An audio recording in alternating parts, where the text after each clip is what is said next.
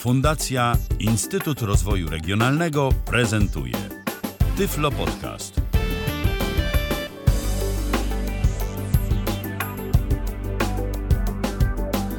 Dzień dobry, dzień dobry. Dzisiaj Tyflo Przegląd w cztery, czteroosobowym zespole. Jest y, Mikołaj Hołysz, Paweł Masarczyk, Michał Dziwisz, czyli ja, czyli dobry. Tomek. Bilecki. Y, No i oczywiście co? Oczywiście jak zwykle na początku to, co się będzie działo, a to, co się będzie działo, jak zwykle przedstawi Michał. W tym tygodniu w Tyflo Przeglądzie. Messenger wysyła wiadomości głosowe w stereo. Co wiemy po ostatnim webinarium twórców Envision AI? Wsparcie dla języka polskiego w dodatku Firefox Translations. Image, wtyczka do Chrome przetwarzająca obrazy na dźwięk. Jamulus wprowadza poprawki dostępności. Poly, nowe urządzenie do nauki Braille'a. Ankieta do badania możliwości zastosowania druku 3D w tworzeniu modeli i planów. Rocket, ciekawy sposób wprowadzania emoji w systemie macOS. Nowości w grach audio. All Aboard, aplikacja rozpoznająca przystanki autobusowe. Opisywanie swojego wyglądu osobie niewidomej. Moda czy przydatna informacja? Ciekawe projekty prosto z Hiszpanii. Dostępność banknotów rupii indyjskiej.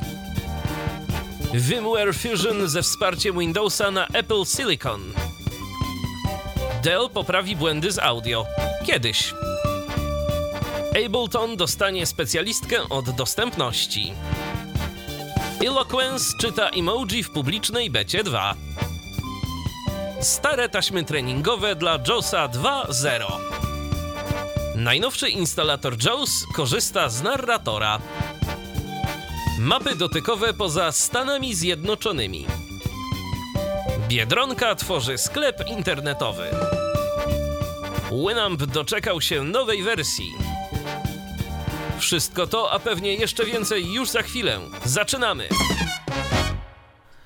No i zaczynamy, a zaczynamy od informacji, że oczywiście jesteśmy do Państwa dyspozycji. Można się z nami skontaktować y, przez aplikację Tyflo Podcast, można się z nami skontaktować przez stronę kontakt.tyflopodcast.net i chyba tyflopodcast- tyflopodcast.net slash zoom, jeśli dobrze Tak y, jest. mówię. Zawsze mi jakoś to się wszystko miesza, ale jeżeli, jeżeli jest dobrze, no to jest dobrze.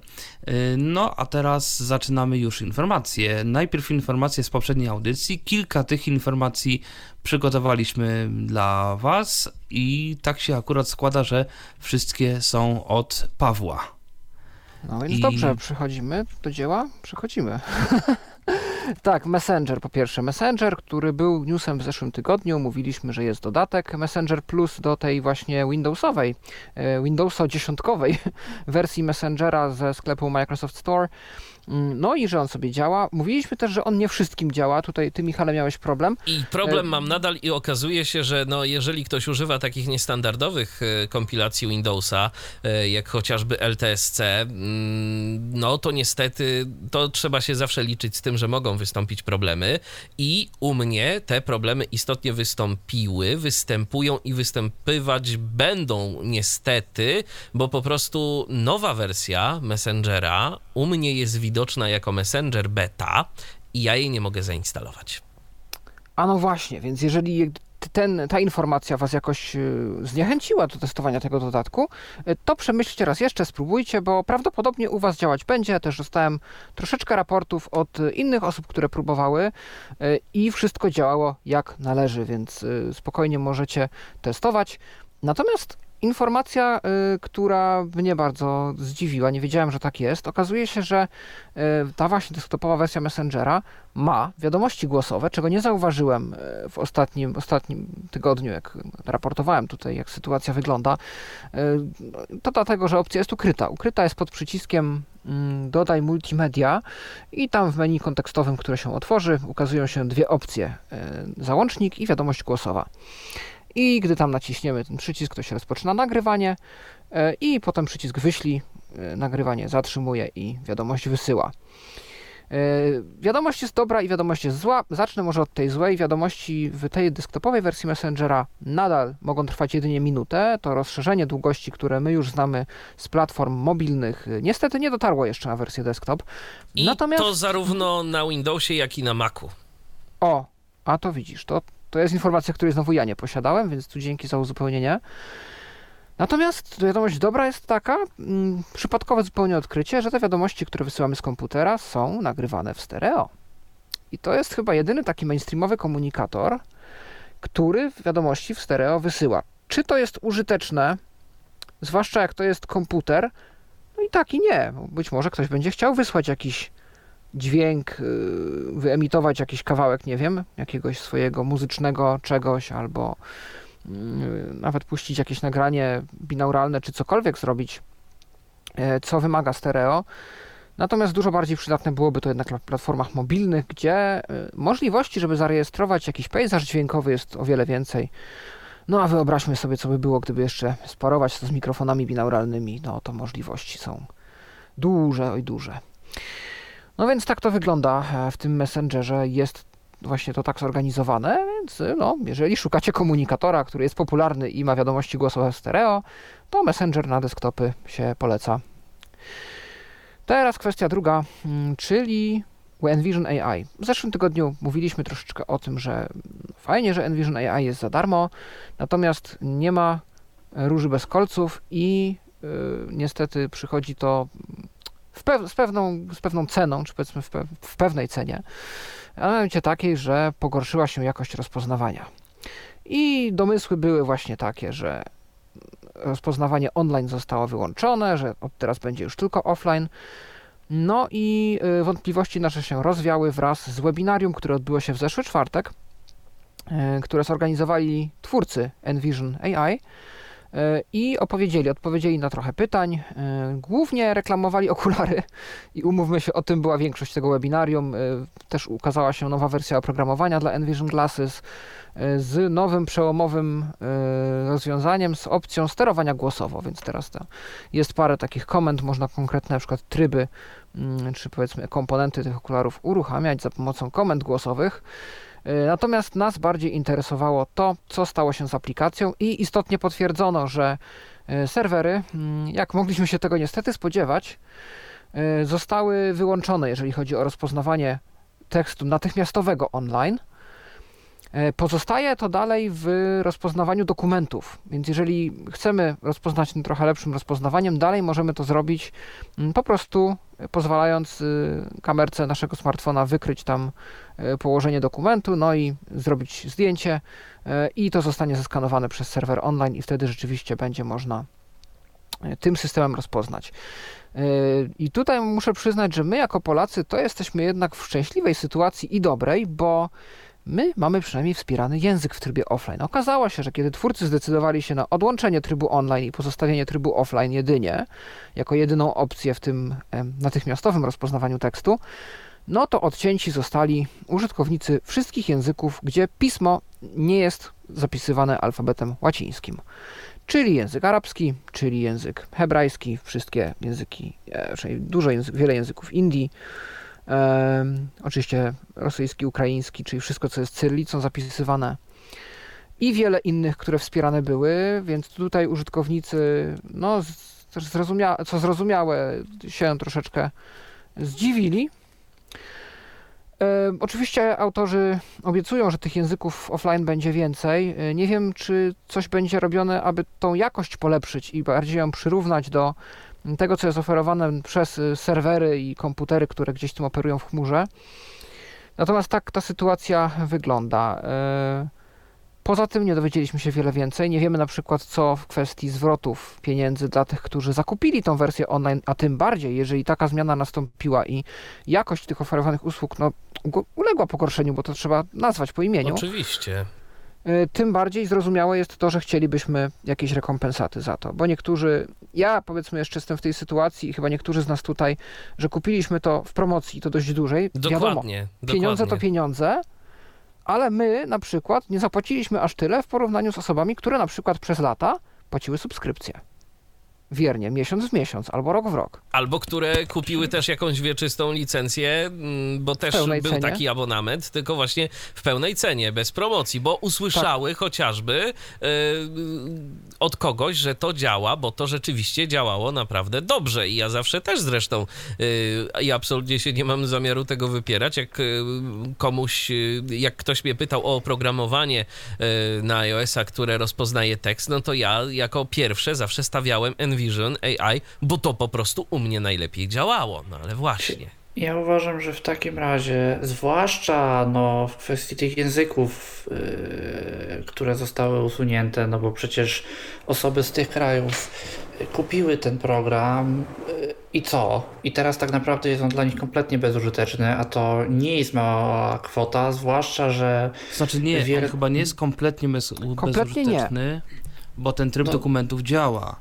No tak, no, ale... I te wszystkie mhm. rozpoznawanie, nie wiem, twarzy, jakieś tam rozpoznawanie scen, no tylko nie działa tryb ten y, szybki Krótki. taki, no tak, tak. No, dla wielu osób jest I podstawą, więc... Ja mhm. uważam, że nawet gdyby ten tryb był w wersji jakiejś premium, e, żeby była specjalna subskrypcja właśnie na ten tryb, no to ja uważam, że byłby to lepszy pomysł niż to, co mamy, to, co mamy w chwili obecnej, no czyli pozbawianie użytkowników, którzy takiej funkcjonalności potrzebują, do niej dostępu, bo było, a nie ma. No, ja też wychodzę z tego samego założenia i myślę, że będziemy się dopominać yy, o swoje. Yy, twórcy zapowiedzieli następne webinarium, które odbędzie się 20, zdaje się 5 sierpnia. Ja już się na nie zapisałem. I dowiedzieliśmy się, że nie powinniśmy go przegapić, bo będzie kolejne, kolejna wielka zapowiedź. E, nie wiem o co może chodzić, chyba nikt nie wie. Jedyne czego ja się domyślam, to może być współpraca z Iron. To jest jedyne co mi przychodzi do głowy, bo yy, póki co jakby Aira pojawiła się oczywiście na Blind Shellu, o tym mówiliśmy, na ARX, na tych brytyjskich okularach yy, oraz gdzieś chyba jeszcze. No, no, w internecie oczywiście, w wersji web. E, I zostało zadane w którymś z podcastów, chyba w Mosen at Large, pytanie, co z Envision Glasses? E, I padła odpowiedź, że na ten moment jeszcze nic nie mamy, ale stay tuned. I nie chcę się zawieść, że to będzie coś, e, co nam się kompletnie tu w Polsce nie przyda, ale chodzi mi po głowie taka myśl, że to może chodzić o, o Aire. Więc mm, no może to będzie to wielkie ogłoszenie. Chyba, że z tego będzie wynikało coś więcej, jakaś głębsza współpraca. Nie nie nie ma co plotkować, nie ma co spekulować. Pożyjemy, zobaczymy. Y, ja też się w sumie poświęciłem troszkę i stwierdziłem, że e, potestuję różne alternatywy, jakie teraz mamy, przynajmniej na iOSie e, i sprawdzę, czy mamy na ten moment jakąś aplikację, która wspiera ten tekst natychmiastowy, a radzi sobie lepiej niż Envision AI. No i się okazało, że jest troszkę problem, bo yy, próbowałem SuperSense'a. SuperSense właśnie oferuje ten akurat tryb za darmo, jako jedyny. No i też niestety jest to offline. Yy, szybkie czytanie, dość duży margines błędu. Nie, że to jest kompletnie bezużyteczne, ale podobnie jak w Envision, trzeba się dużo bardziej nabiedzić, żeby sobie sprofilować ten obiekt, który chcemy zeskanować. Yy, cały czas nam to gada, więc zanim my się doczekamy mm, najświeższych, powiedzmy, wyników, no to musi najpierw się wygadać poprzednie jakieś duże ciągi, długie ciągi cyfr są czytane i, i, i e, tak to wygląda. I co ciekawe, Seeing AI też nie do końca mi się sprawdził. Seeing AI bardzo długo nie czytał nic. Długo, długo nie czyta nic, nagle łaskawie coś jednego przeczyta. I nie wiem, czy to jest problem jakiś u mnie, czy ja e, czegoś... Nie, ja, ja słyszałem kiedyś e, wyjaśnienie tego, że w tym aplowskim e, interfejsie do właśnie takich rzeczy e, programiści ustalają pewne parametry jednym z parametrem do ustalenia jest jakby próg niepewności.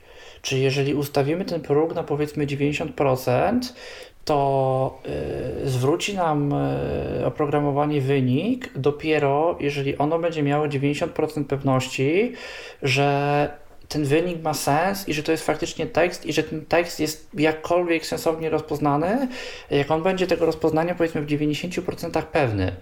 A możemy to ustawić na 10% i wtedy cokolwiek by to nie było, nawet jeżeli to będzie, nie wiem, yy, jakieś abstrakcyjne malowidło, z którego oprogramowanie tu wyciągnie T, tu wyciągnie A, bo coś będzie mniej więcej to przypominać, to zaczynam czytać po prostu bez sensu głupoty, bo, bo i tak mówi, to może być czasem litera. Yy, I Envision właśnie i te wszystkie podobne aplikacje yy, mają te rzeczy ustawione nisko Yy, czyli co znajdą, to próbują przeczytać i czasem skierujemy na ekran, a one iczne, iczne, higieniczne, bo obok tego leżą jakieś chusteczki higieniczne i coś gdzieś wyłapią, a CGI yy, ma to ustawione właśnie wysoko i on jak już wyłapie, to już najczęściej wyłapie dobrze, ale właśnie problem jest skłonić go do tego, żeby on w ogóle zaczął coś czytać. I, mhm. i, to, jest, to jest wyjaśnienie, to jest teoria, jaką ja słyszałem. Nie wiem, na ile ona jest prawdziwa. Możliwe, że to, co mówisz, jest prawdą, to by się tam gdzieś pokrywało. Ja mam wrażenie, że celowałem w jedną konkretną powierzchnię i nie miałem żadnych jakby rozpraszających obiektów dookoła, aczkolwiek kto wie, co on tam wykrył. E, no i problem, problem był. Natomiast przy okazji też przetestowałem sobie różne tryby rozpoznawania właśnie dokumentów. No i Envision tu się też nie popisuje, bo niby wszedł jakiś nowy tryb właśnie wykrywania orientacji i e, rotacji dokumentu, e, jakiegoś informowania właśnie o krawędziach i to niby jakoś działa, ale te wskazówki na tyle rzadko się pojawiają i są na tyle lakoniczne, no, że ja miałem problem, żeby to jakoś ładnie scentrować. Seeing AI wszyscy znamy, on nam powie, że krawędź widoczna taka, taka niewidoczna, taka niewidoczna, ustawimy, mówi e, dobrze, trzymaj stabilnie i robi zdjęcie. Ale zaimponował mi bardzo Super Sense y, i tutaj jest jeszcze to tryb, który wpada pod abonament. Pamiętajcie, 50% zniżki na Super Sensa przez całe lato. Bo Super Sense ma bardzo fajne te wskazówki, dość unikatowe, bo on po pierwsze instruuje nas według godzin zegarowych, jak mamy przekręcić telefon, czyli przekręć na godzinę piątą, y, trzecią i tak dalej. A po drugie informuje nas, co prawda w calach, więc dla nas jest to jednostka no, raczej obca, ale w calach, o ile mamy przesunąć telefon. Przesuń o jednego cala, o jeden cal w lewo, przesuń o ileś tam cali w prawo. I to są bardzo konkretne wskazówki. To już nie jest przesuń w lewo, przesuń tam któryś róg niewidoczny, no bo dla osób niewidomych jest to bardzo ważne, żeby te komunikaty były jak najbardziej precyzyjne, bo no właśnie, usłyszymy przesuń w prawo i zrobimy tam po prostu kilometrowy ruch i już za daleko w prawo, tak? No więc y, Tutaj jest to bardzo fajnie rozwiązane, ale zarówno Seeing AI, jak i SuperSense bardzo ładnie mi rozpoznały e, ten dokument, który ja, e, czy powiedzmy to pudełko chusteczek higienicznych, już o tym mówimy, które ja chciałem rozpoznać, więc e, no tutaj jest, jest to super sprawa. No więc zobaczymy, co Envision w przyszłym miesiącu zamierza. Natomiast trzecia rzecz to mm, Aha, i też a propos Envision, jeszcze też wspomnieli, bo tu mogłoby być takie zmartwienie, że skoro są za darmo, no to wszystko się już kończy, to powoli zamykają biznes. E, to nie tak. E, pracują nad nowymi opcjami. Jedna z opcji, która została wymieniona, to ulepszone rozpoznawanie produktów, które nie będzie już bazowało na kodach kreskowych, a na zdjęciu produktu ogólnie. I oni teraz trenują taki algorytm, który ma tych produktów rozpoznawać dużo, włącznie z produktami gdzieś tam amerykańskimi, kanadyjskimi. O tym była mowa, bo Y, osoba z Kanady o to zapytała, ale zważywszy na to, że firma pochodzi z Europy, konkretnie z Holandii, y, no to liczyłbym na to, że europejskie produkty też będą gdzieś tam przetrenowane. Zobaczymy, na ile polskie się w tym odnajdą. Z, z Europą jest pod tym kątem jeden niestety bardzo duży problem, że Stany Zjednoczone to jest wielki kraj, z wieloma ludźmi, gdzie te produkty są mniej więcej te same i mniej więcej podobne w całym kraju, bo tam jest jeden język i tam można sobie na to pozwolić. A w Europie, y, w Polsce mamy trochę swoje, w Niemczech mamy swoje i wiadomo, że czasem jest tak, że jest dystrybuowany y, produkt na całą albo na część Europy z opisem w kilku językach, ale nie jest tak zawsze i czasem e, są produkty lokalne e, i jest ich u nas stosunkowo więcej e, niż właśnie w Stanach na przykład Zjednoczonych. I to może być już większy problem. Produkty polskich firm, produkty lokalne, podejrzewam, że będą rozpoznawane sporo gorzej niż produkty powiedzmy firm zagranicznych, które się w Polsce pojawią. No tu dzięki za uzupełnienie.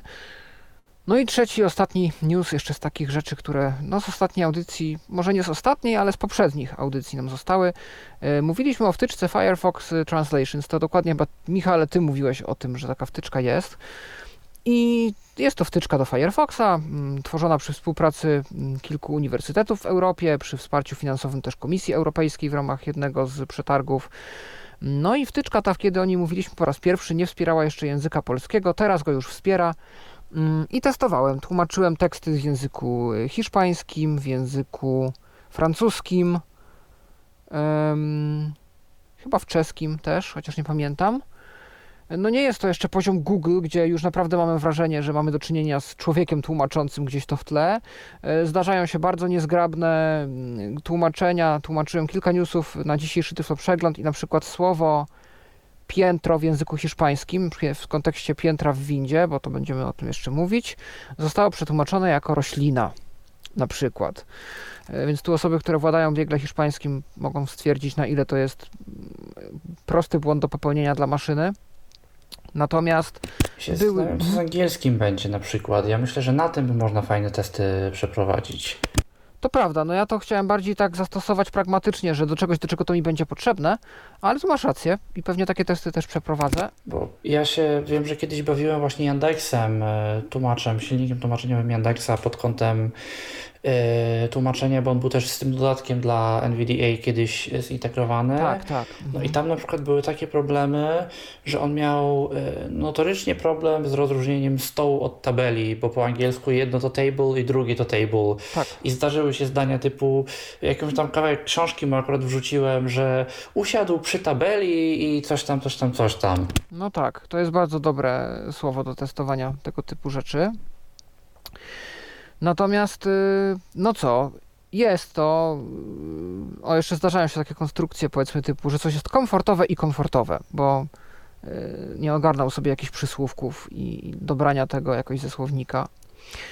No ale tak, wtyczka jest za darmo, wtyczka działa offline, to znaczy nie wymaga tego, żeby wysyłać te dane na jakiś serwer, więc tam kwestie prywatności zostały wzięte pod uwagę. Kto wie, może kiedyś stanie się oficjalną funkcją w Firefoxie, ale na ten moment niech się rozbudowuje baza, niech się te modele trenują i trenują dalej. E, no i zobaczymy, jak to w przyszłości będzie tłumaczyć. Natomiast na ten moment jest to już jakiś start. Jeżeli bardzo lubicie Firefoxa, a jedyna funkcja, jakiej Wam brakowało, to właśnie tłumaczenia w przeglądarce. No I to, to, tłumaczenia lokalne, tak? tak Działające tak, tak, tak. lokalnie. Tak. E, no to teraz możecie już tą wtyczką się spokojnie także i w języku polskim wspomagać. Ja, się, ja myślę, że to może być w ogóle y, ciekawa, ciekawsza rewolucja, bo przecież skoro to działa w przeglądarce i skoro to jest wszystko technologia otwarta, to nic nie stoi na przeszkodzie, żeby to zastosować y, troszkę szerzej i żeby to stosować po pierwsze w grach audio, no, które mają zawsze taki problem, że po prostu no, z uwagi na niski budżet y, tłumaczenie tych gier no, nie jest po prostu możliwe i, i no, gier dostępnych w języku polskim mamy bardzo niewiele. I fakt faktem są gry, które robiły to online, no ale to też niesie za sobą sporo opóźnienia, to też niesie za sobą fakt, że y, twórca takiej gry musi też ponosić y, swoje koszty i, nie każdego twórcę na, na taką usługę stać, yy, więc o tym trzeba, o tym trzeba gdzieś tam pamiętać. Yy, no więc fajnie, że, że, że istnieje teraz rozwiązanie offline, istnieje teraz rozwiązanie, które można by zagnieździć w jakiejś naszej własnej aplikacji i, i liczmy na to, że chociażby nawet też twórcy właśnie dodatków do NVDA, które zajmują się kwestiami tłumaczeniowymi, yy, no wprowadzą coś takiego. Tymczasem na naszym Facebooku napisała Minoria, że bardzo was przerywa. No cóż, y, niespecjalnie jesteśmy w stanie cokolwiek z tym zrobić. Y, jeżeli chodzi o strumień Tyfloradia, to tu jest lepiej, więc y, proponuję przełączyć się na ten strumień, a miejmy nadzieję, że Facebook za chwilę się ogarnie i że będzie mm, już naszą transmisję przepuszczał prawidłowo. Też być może to po prostu być spowodowane tym, że nadmiernie gdzieś tutaj sprzęt, który mm, wysyła to wszystko w świat jest obciążony, chociaż nie wydaje mi się, aczkolwiek no niestety wysyłanie dwóch źródeł sygnału naraz to już dla tej maszynki jest sporo, ale myślę, że w najbliższym czasie będziemy mieli już coś lepszego do dyspozycji, będzie to działało znacznie sprawniej. A tymczasem, zanim jeszcze Tomku oddam Ci głos, żebyś zapowiedział y, kolejny temat, to ja pozwolę sobie przeczytać y, komentarz, który dosłownie kilkanaście, kilkadziesiąt minut temu pojawił się pod y, Tyflo przeglądem poprzednim, bo to jest ciekawy komentarz, którego autorem jest Michał. Cześć, znalazłem świetną, jak się wydaje, aplikację na iOS do edytowania i uruchamiania PHP. Fajnie działa z voiceoverem wymiana plików przez folder aplikacji pliki i wygląda super. Prosta metoda, aby na iPhone'ie uruchamiać sobie różne algorytmy, przetwarzać sobie jakieś pliki i jednym słowem mieć jednocześnie lokalny i wieloplatformowy zestaw narzędzi. Niestety aplikacja ma także poważną wadę pod tytułem wysoka cena. Full y, konfiguracji trzeba zapłacić przy instalacji, a później jeszcze wewnątrz aplikacji. Jeśli ktoś zna tańsze alternatywy o podobnych możliwościach i podobnie przyjazne dla voiceovera, to proszę o informację, a jeśli nie, to polecam. I tu aplikacja nazywa się Draft, Draft Code e, Offline e, PHP IDE, e, Draft Code, e, tak dokładnie mm, ten pierwszy człon nazwy e, się pisze. Jest ta mm, notatka Michała w komentarzu pod poprzednią audycją, pod audycją numer 143 i tu jest od razu jeszcze link do aplikacji w App Store, więc jeżeli Was zainteresował temat, jeżeli programujecie w PHP, albo może chcecie Michałowi coś podpowiedzieć, co jest tańsze, no to dajcie znać. A tymczasem przechodzimy do newsa. Y, może, żeby Paweł odpoczął, bo system wskazał jako pierwszy news y, Pawła, y, no to może Mikołaj. Mikołaj znalazł dość ciekawą wtyczkę do Chroma, która ma zadanie przetwarzać obraz na dźwięk. Tak, y, to jest wtyczka do przeglądarek y, Chromium, czyli Chrome, czyli Edge, czyli nawet chociażby Brave. Y, wtyczka pochodząca z uniwersytetu któregoś w Kanadzie. To jest wtyczka kanadyjskiej produkcji, która no jest na razie trochę prototypem, na razie trochę eksploracją, pokazaniem co się da i, i co można zrobić w kwestii opisywania obrazków, opisywania grafik w formie dźwiękowej e, za pomocą, e, za pomocą dźwięku, za pomocą też troszkę mowy, ale głównie dźwięku, dźwięku e, stereo, dźwięku binauralnego, dźwięku przestrzennego.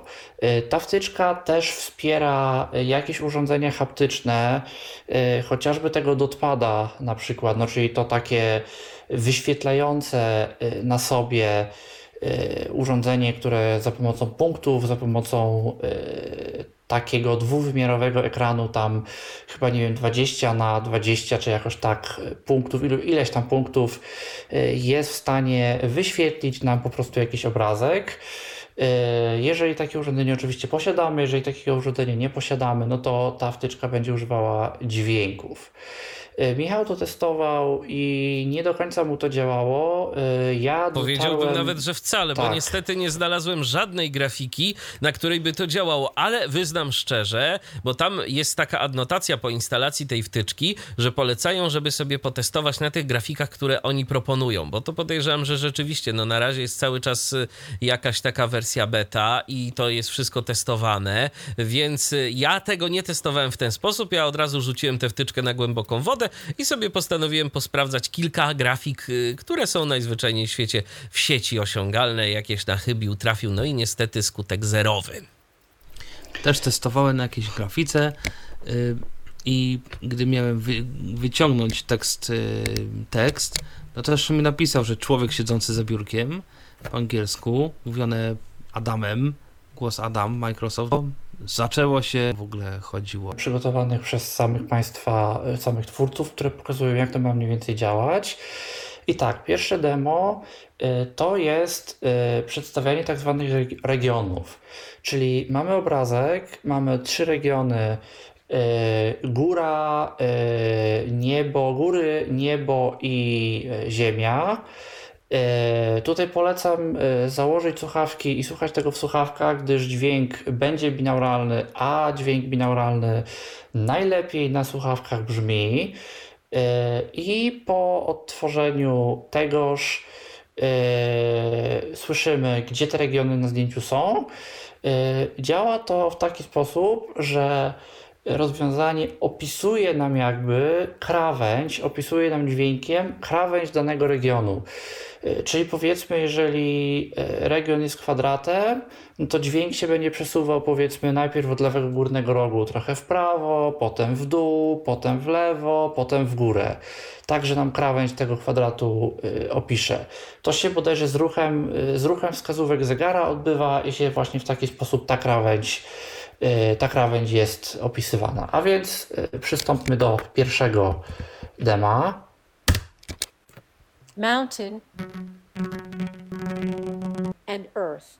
W stanie bardzo dużo ja uważam wysłyszeć, że góry to jest taki duży obiekt gdzieś tam e, na środku i po prawej. E, niebo widać głównie na górze i po lewej jest go w miarę mało. I ziemię widać na dole i po lewej i też nie ma jej zbyt dużo. E, I to jest pierwsze demo. E, drugie demo to jest demo pokazujące obiekty i ludzi. I tutaj również słyszymy dźwięki binauralne. I działa to na takiej zasadzie, że tam, gdzie dane obiekty się znajdują, to tam usłyszymy kliknięcie. I tutaj bodajże usłyszymy, że chyba 4 czy 5 czy 3, już teraz nie pamiętam, szklanki wina, kieliszki wina Y, i usłyszymy, gdzie na tym zdjęciu one się znajdują. Y, chyba tam ileś osób, i też usłyszymy, gdzie te osoby się znajdują, i y, kanapa, sofa, i usłyszymy też, gdzie ta sofa jest. For wine glasses. Four people. A potted plant. A couch. No tak, usłyszeliśmy, że y, cztery y, szklanki, jakieś cztery kieliszki wina, usłyszeliśmy, gdzie są te kieliszki wina, usłyszeliśmy cztery osoby, usłyszeliśmy, gdzie są te osoby. One były jakoś w miarę blisko tych kieliszków, więc y, bardzo możliwe, że one je nawet trzymały. Usłyszeliśmy właśnie roślina w doniczce, tam gdzieś po lewej stronie i sofa tam z kolei bardzo po, po prawej.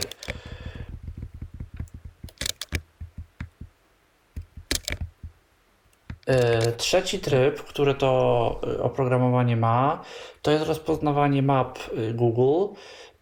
Ono się integruje teoretycznie z widgetem map Google i pozwala nam też właśnie w sposób, też właśnie dźwiękiem binauralnym pokazać punkty zainteresowań, te tak zwane punkty POI w pobliżu danego miejsca.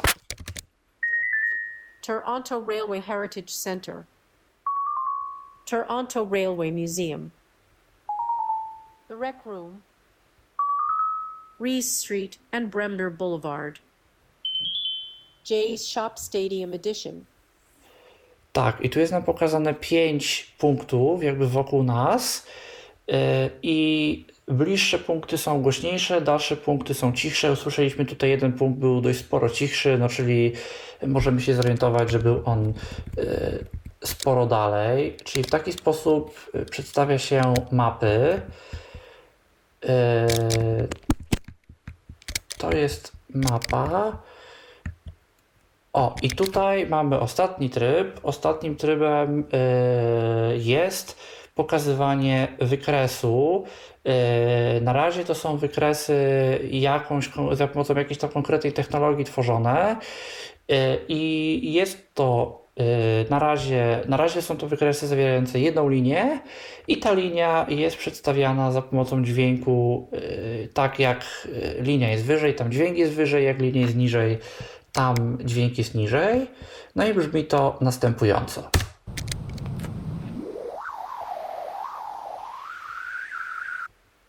Tak, i tak właśnie to brzmi. No i to by było na tyle, jeżeli chodzi o y, to konkretne rozwiązanie. No, to pozostajemy w kręgu takim około mapowym, bo Tyflomapa pojawiła się na AGH i tutaj jest news przez, przez Pawła przygotowany. Tak, e, tutaj e, za pośrednictwem portalu Fundacji MIR e, mamy wiadomość. No i dowiadujemy się z niej, iż w ramach projektu raz jeszcze.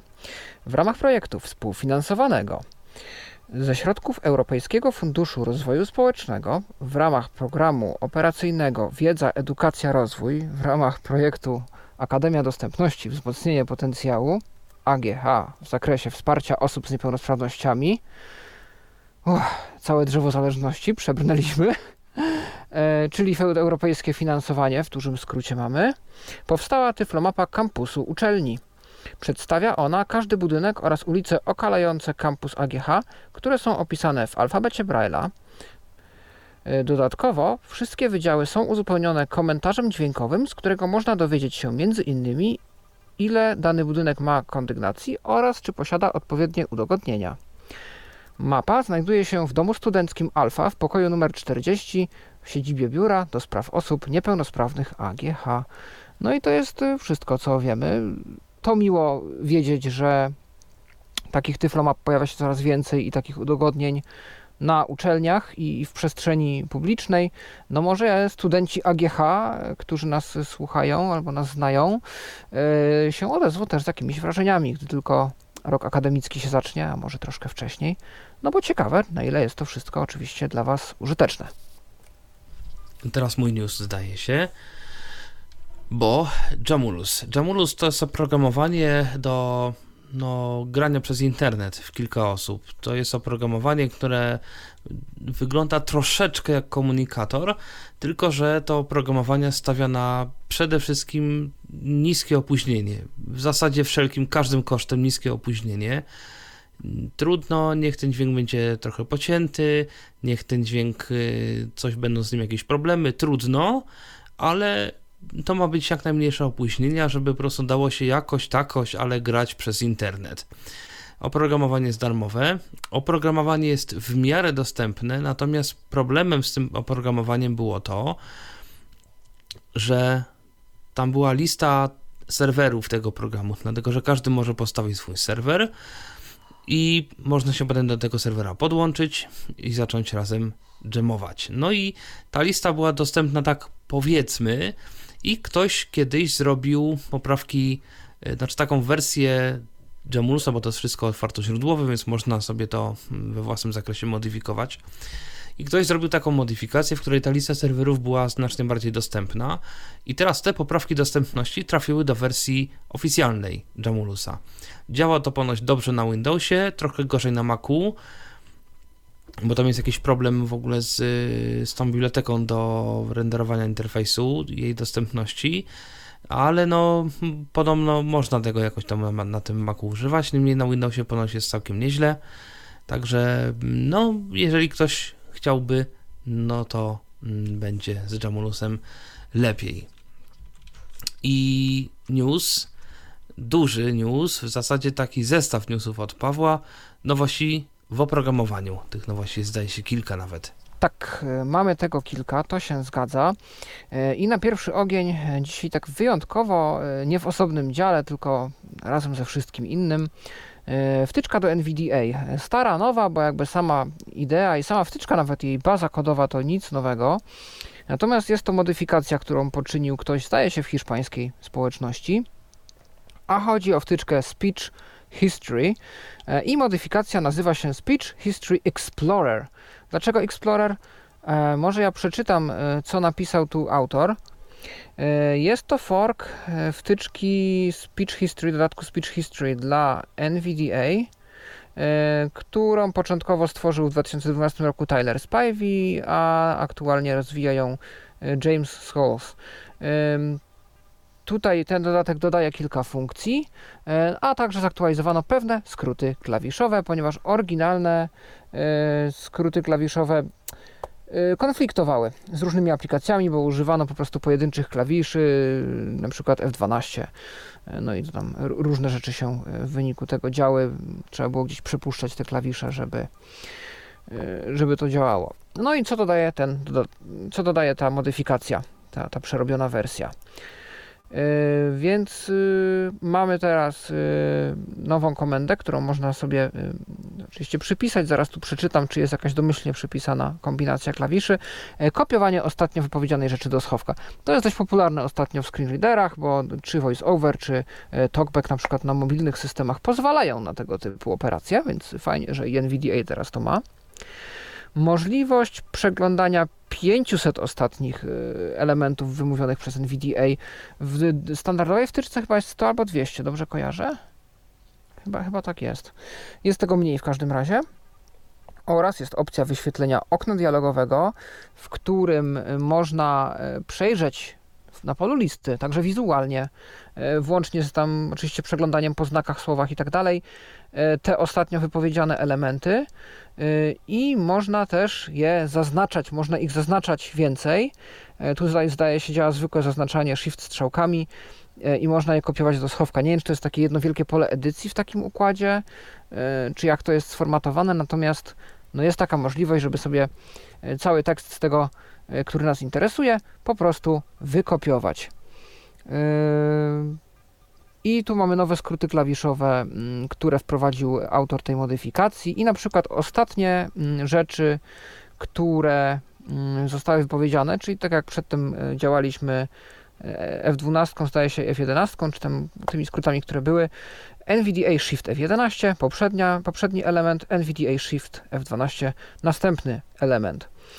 E, skopiuj e, ostatni element wypowiedziany przez NVDA, NVDA Ctrl F12 e, i wyświetl okienko z najnowszymi elementami, które zostały wypowiedziane, czyli to, o czym przed chwilą mówiłem, to NVDA Alt F12. No i tu mamy opis okienka. Jeżeli otworzymy sobie to okno, to w tym okienku będzie pokazana lista ostatnio wypowiedzianych fraz y, z najnowszym y, elementem ustawionym na początku. Można nawigować po nich y, góra-dół, czyli jednak to musi być jakieś pole listy. I dla każdego elementu pokazanych będzie ostatnich 100 znaków tego, co zostało powiedziane. Ale naciskając Tab można przejść do pola edycji tylko do odczytu, no i można sobie tam przeczytać całość. Yy, jeżeli mamy otwarte okienko i coś nowego zostanie wypowiedziane, to to okienko nie zostanie zaktualizowane na bieżąco w czasie rzeczywistym. Yy, jeżeli jest ktoś takim czymś zainteresowany, no to trzeba wyjść i wejść jeszcze raz, albo użyć przycisku odśwież historię, bo taki przycisk też tam jest. Można przeszukiwać taką historię i to jest super sprawa, bo Czasem chcemy wyszukać sobie konkretnej rzeczy, która została powiedziana, nie chcemy latać przez całe 500 elementów, chcemy po prostu przejrzeć i wyszukać sobie, co tam zostało ostatnio powiedziane. Jest pole edycji, e, można wpisać jakieś litery lub słowa i naciskamy Enter e, i wtedy lista zostanie zaktualizowana, e, a wyczyszczenie pola edycji, naciśnięcie Enter, no przywraca nam pełną listę już nieprzefiltrowaną. Tak, y, można za przyciskiem kopiuj skopiować aktualnie zaznaczone aktualnie zaznaczony element oraz jest opcja skopiuj wszystko, aby skopiować wszystko, co się tam znajduje. I wtedy otrzymamy skopiowane do schowka elementy, każdy przedzielony znakiem nowej linii. No oczywiście jak wyszukiwaliśmy, no to będzie skopiowane tylko to, czego, co wyszło nam z wyników wyszukiwania. I można shift strzałkami zaznaczać, control strzałkami odznaczać e, kolejne elementy. No i escape zamyka nam okienko. To jest wszystko, jeśli chodzi o tą wtyczkę do NVDA. Kwestia druga. Wyszła ostatnio Luna for Reddit, y, klient y, Reddita, który zresztą gościł w naszych Tyflo podcastach, w, naszym, w naszych Tyflo przeglądach jako news, a w odcinku o Reddicie jako aplikacja, którą demonstrowałem. No i mamy y, nowe funkcje. Po pierwsze, największą chyba nowością jest czat, czyli coś, co chyba, dobrze Mikołaju myślę, że nie jest oficjalnie wspierane przez API Reddita. Chyba tak było. W dystopii zdaje się, że mm, taka też jest sytuacja.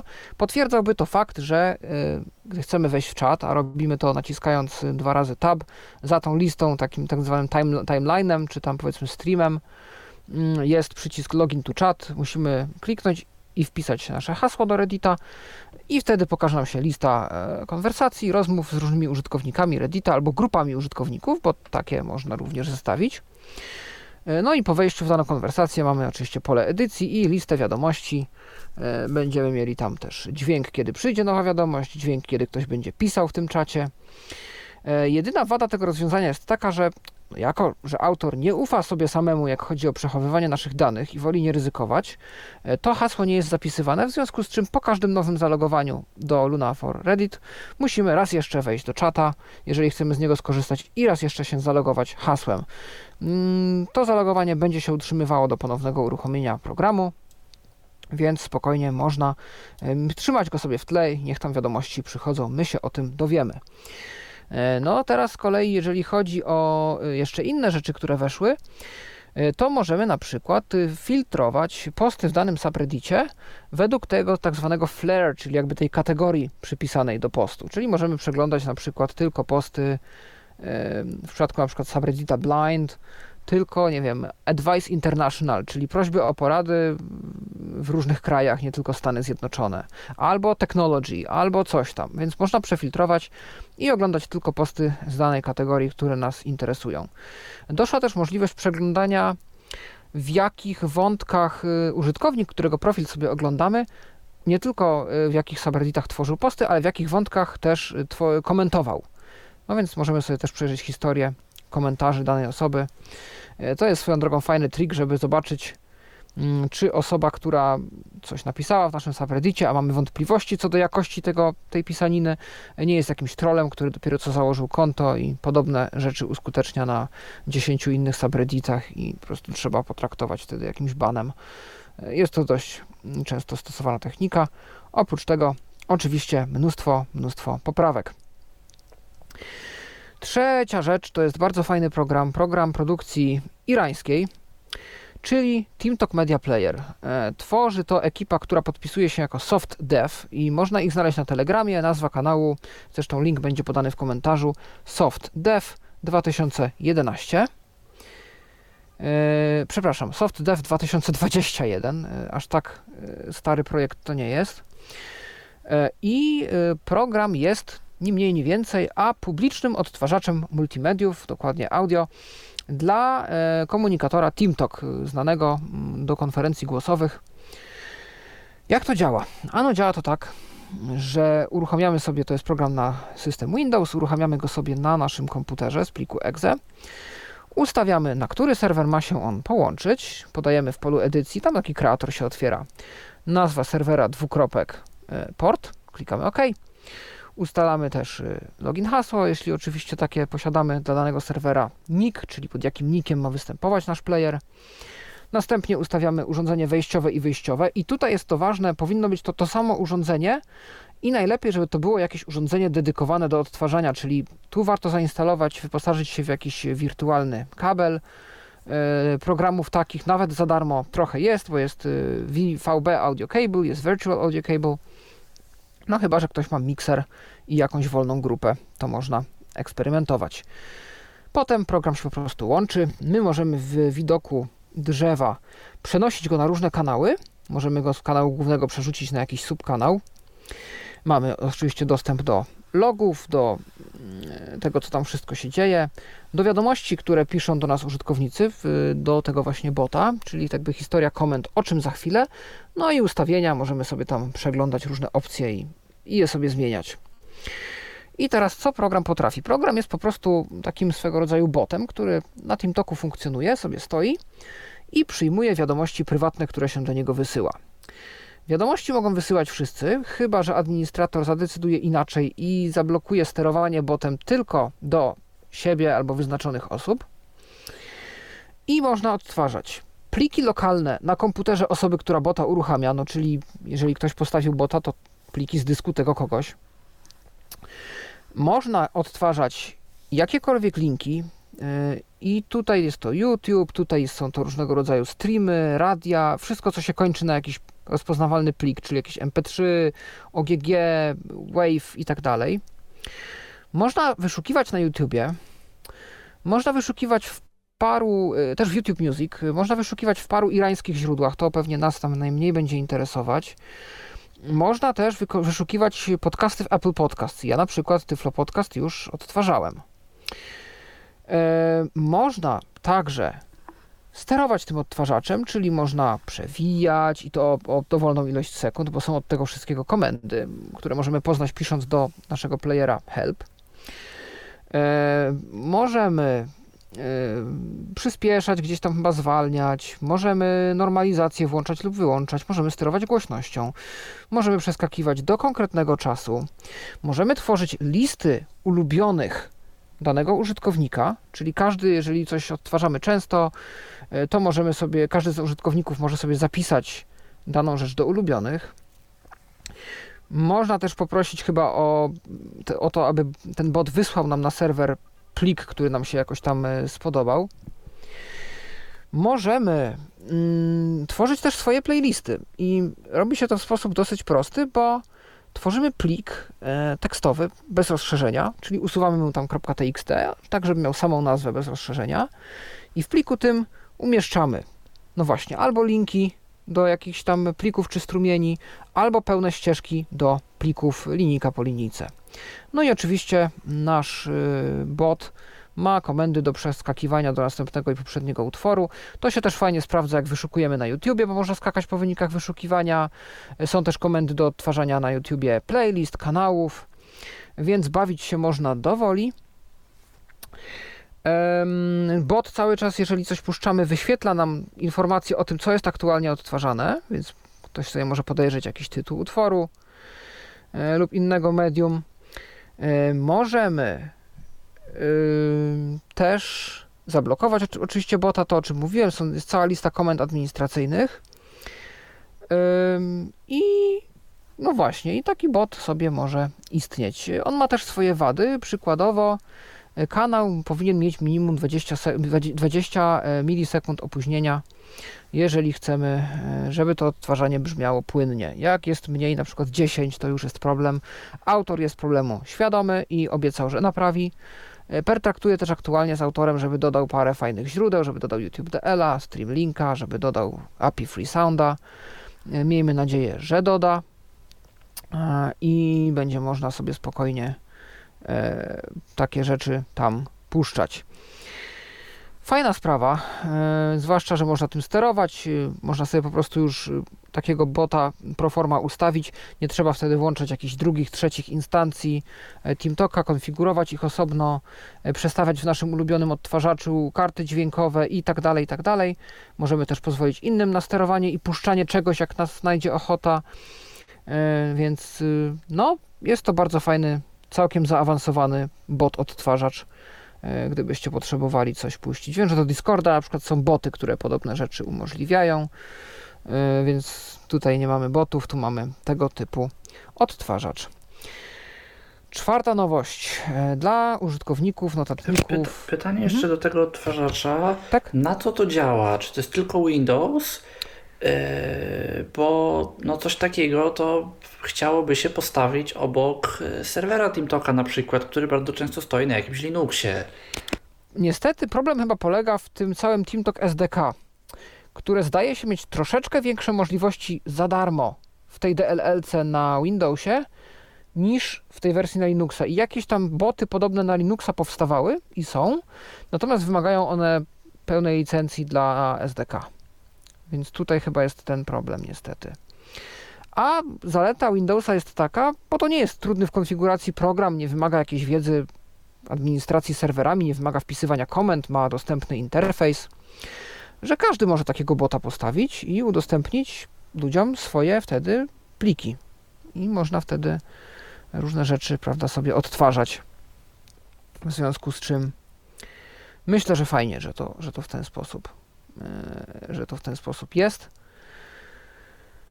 Natomiast e, tak, to co mówiłem, dla użytkowników BrailleSense'a mm, wyszła aktualizacja mm, zarówno dla BrailleSense'a 6 i 6 mini.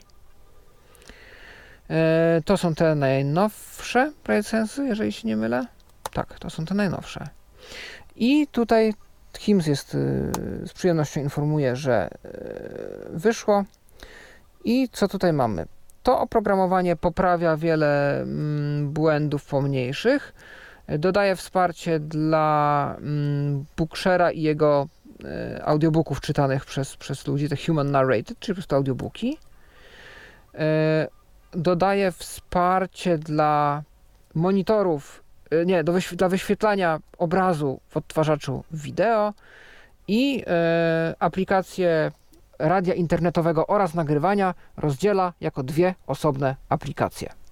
Więc teraz tak to wygląda. E, jest tu oczywiście link do kompletnej listy zmian, e, można się zapoznać, jakie konkretnie błędy zostały poprawione. Link będzie oczywiście podany w komentarzu. Także aktualizacja dla Polaris i Polaris Mini. I tu dowiemy się, iż ta aktualizacja wprowadza kompletnie nowy program e, e-mail, e, który wspiera Google do autoryzacji Gmaila. Jako, że ten nowy program wspiera również Exchange'a, e, wyrzuciliśmy aplikację Email Exchange, która była osobną aplikacją. E, oryginalny Polaris e-mail jest nadal dostępny, gdyby ktoś chciał e, mieć dostęp do e-maili pobranych pop, e, protokołem POP3 i zapisanych w pamięci Polarisa. Także mm, ta aktualizacja dodaje czytnik, program czytnik dokumentów, który można już znaleźć na BrailleSense U2 i który dostatnio został dodany do BrailleSense'a 6.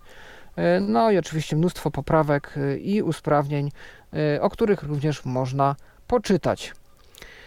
No i ostatnia rzecz y, to lipcowa aktualizacja JOSa, y, o której już Wam przeczytam, tylko muszę opanować mój komputer. Na pewno wiem, że dokonano tam aktualizacji translatora LibLouis i wiem, że, że to jest coś, co tutaj zostało wprowadzone, tak. LibLouis Translator został zaktualizowany do wersji 3.22.0, więc my chyba w tym przeglądzie mówiliśmy, że tam jakieś poprawki do, do tablic były, więc to zostało wdrożone. Teraz, jeżeli naciśniemy Enter na linku na stronie, którego zadaniem jest przeniesienie nas w inne miejsce strony, to istniał błąd, który już został naprawiony gdzie kursor wirtualny nie, nie był przenoszony do nowej lokalizacji, mimo iż strona wizualnie się przewinęła. Jak rozumiem, mnie dalej słychać, bo tak zniknęło mi to echo i się trochę zmartwiłem. Tak, czy, słychać. Czy wszystko jest w porządku? O, dziękuję. To dobrze. Więc taki błąd został naprawiony. Następnie naprawiono błąd, e, gdzie mm, w Chromie lub w Edge'u, jeżeli w polu edycyjnym wielowierszowym nacisnęliśmy Enter, to nieoczekiwanie e, fokus przenosił nam się na górę tego pola. Ten błąd został rozwiązany. Także zaadresowano zgłaszany błąd, gdzie JOS nie czytał paska stanu w notatniku w Windowsie 11, kiedy naciśnięto Insert Page Down. Naprawiono problemy z nawigacją po liście adresów w zakładce adresowanie w Wordzie. Także błąd zaadresowano, kiedy to JOS nie wykrywał e, grafik klikalnych na stronie rumble.com, e, żeby rozpocząć odtwarzanie wideo. To jakaś strona, której znowu z kolei nie znam. I właśnie tutaj fajna zmiana. JOS od teraz będzie oznajmiał e, status zablokowania klawisza w FN, jeżeli wciśniemy FN Escape. E, napisane jest, że to głównie działa na e, laptopach Surface, Microsoft Surface i na klawiaturach Surface i może nie działać na mm, innych laptopach innych firm, na przykład na laptopach firmy Dell. Więc możliwe, że nad tym będą dalej pracować, że jest to znany błąd. To jest kwestia y, tego, że FN bardzo często nie jest w ogóle przesyłany do Windowsa i Windows jakby o nim nie wie i to jest wszystko rozwiązywane na poziomie bardzo wczesnym, na poziomie nawet płyty głównej. Y, przecież nie bez powodu takie opcje się bardzo często w BIOSie ustawia. A no widocznie przez to, że Microsoft, y, no przez to, że Surface to są laptopy Microsoftu, no to Microsoft troszkę poszedł sobie na łatwiznę i przez to, że Microsoft jest też właścicielem Windowsa, no to u siebie mógł to zrobić w Windowsie, no i przez to JAWS też może to przechwycić, no a pozostałe urządzenia już nie mają takiej możliwości. No, może NVDA też to wprowadzi, jeżeli już tego nie ma, nie wiem, bo nie mam Surface, żeby potwierdzić. I co jeszcze poprawiono? E, jeżeli szukamy e, tekstu w dokumencie Worda, e, to był błąd i został naprawiony, kiedy to JOS nie czytał zaznaczonego aktualnie elementu, kiedy szliśmy strzałkami po liście wyników. Naprawiono także błąd, kiedy to naciśnienie insert, naciśnięcie Insert Ctrl 1 do 8 nie czytał y, powiązanych kolumn y, w liście plików Exploratora, y, plików Windows lub liście wiadomości Outlooka. W odpowiedzi na prośbę jednego z użytkowników dodaliśmy kilka międzynarodowych symboli do okienka Wybierz symbol w okienku drukowania wywoływanym Insert 4 Mm, gdzie można wybrać sobie symbol i, wstawić do aktualnie e, wybranego dokumentu. No więc dodano tam kilka symboli, których wcześniej tam nie było. I to wszystko z mojej strony, jeśli chodzi o nowości w aplikacjach w tym tygodniu. Tymczasem to, e, tak. słuchacz się do nas próbuje dodzwonić. Jest e, z nami Bartek. Zaraz zobaczymy, czy Bartkowi uda się w miarę szybko podłączyć audio czy też y, trzeba będzie na to chwilę poczekać. Y, no cóż, jak na razie, jak na razie Bartka z nami nie ma, więc chyba faktycznie Tomku przejdziemy dalej. To możemy przejść dalej do newsa, newsa Mikołaja na temat urządzenia nau nauki Braille'a. Tak, urządzenie y, produkowane przez firmę Tinkerbell Labs E, sprzedawane w Stanach Zjednoczonych pod marką APH, e, no bo urządzenie, jak sama nazwa, jak sam właściwie Twój opis wskazuje, kierowane jest na rynek edukacji. A tak już e, wiele razy tutaj mówiliśmy, APH to jest właśnie firma, która sama nie produkuje, ale markuje urządzenia i sprzedaje je właśnie w Stanach Zjednoczonych. I bardzo często te same urządzenia, które znamy pod marką APH, gdzieś za granicą możemy dostać, na przykład u nas od, od Humanware'a lub od jakichś innych firm. No w tym przypadku właśnie jest to Tinkerbell. Y, no i Tinkerbell stworzył właśnie urządzenie do nauki Braille'a. To urządzenie ma Monitor, powiedzmy, że monitor brailleowski, a właściwie kilka komórek wyjściowych, na których będzie pojawiał się braille i mają być to komórki trochę większe niż standardowe, no, żeby osoby, które się zaczynają dopiero tego braille'a uczyć, mogły go łatwiej wyczuć. Y, ma to urządzenie y, klawiaturę w stylu Perkinsa, tą tak zwaną, czyli właśnie taką, jaką możemy znaleźć na maszynach brailleowskich firmy Perkins i taką, jaką możemy znaleźć na większości monitorów y, brailleowskich w tych czasach. Y, I to urządzenie posiada również y, coś, co jest nazywane jako elektroniczna tabliczka brailleowska. To jest też podejrzewam jakieś kilka komórek, y, które możemy jakieś, jakimś rysikiem czy czymś w tym rodzaju y, aktywować, żebyśmy mogli uczyć się pisania na tabliczce właśnie za pomocą takiego urządzenia. Urządzenie jest również wyposażone w Wi-Fi oraz głośnik i wejście, wyjście właściwie nawet słuchawkowe, y, tak aby wszelkiego rodzaju materiały instruktażowe mogło na, do nas przekazać. No, urządzenie, jak sama nazwa wskazuje, przeznaczone jest do nauki Braille'a. Yy, ma ono nas uczyć liter, skrótów, znaków specjalnych, wszystkiego, czego się w Braille'u mamy uczyć. ma zawierać gry, tak aby dzieci uczące się tego Braille'a mogły to robić przez zabawę oraz każdy, kto kupi urządzenie, otrzyma dostęp do takiego portalu, na którym będzie można projektować i umieszczać własne lekcje, zawierające oczywiście niektóre z tych elementów tak aby nauczyciele, tak aby osoby właśnie uczące tego Braille'a, y, które mają już ustalony jakiś własny kurs, y, mogły to urządzenie wykorzystać w tym kursie i jakby włączyć ten materiał y, swój do, do tego kursu. No więc coś takiego, coś takiego funkcjonuje. Na razie, na razie właśnie ma to sprzedawać APH w Stanach Zjednoczonych i yy, Finkerbell yy, na resztę świata. Na razie nie znamy ceny, na razie nie znamy daty wydania, na razie nie wiemy, czy to urządzenie otrzyma kiedykolwiek oficjalnego polskiego dystrybutora, ale no, zostało ostatnio ogłoszone, że takie urządzenie powstanie. I zostało również ogłoszona ostatnio ankieta. Ankieta dotycząca zastosowania druku 3D w tworzeniu map y, dla niewidomych. Y, ankieta stworzona jest y, przez biuro, o Jezu, Biuro do Spraw Osób z Niepełnosprawnościami Uniwersytetu Warszawskiego. No i co? I ankieta zawiera podobno ponad 30 pytań. Według badaczy czas wypełniania tej ankiety to jest około 25 minut. Ja tej ankiety jeszcze nie wypełniłem, ale zamierzam to zrobić. No i y, no i tak, zapraszają ludzi do wypełnienia ankiety i zobaczymy, co będzie z tego y, dalej. To może ja się podepnę, mhm. bo jeśli mówisz o ankietach, to ja tu mam też y, pewną nowostkę.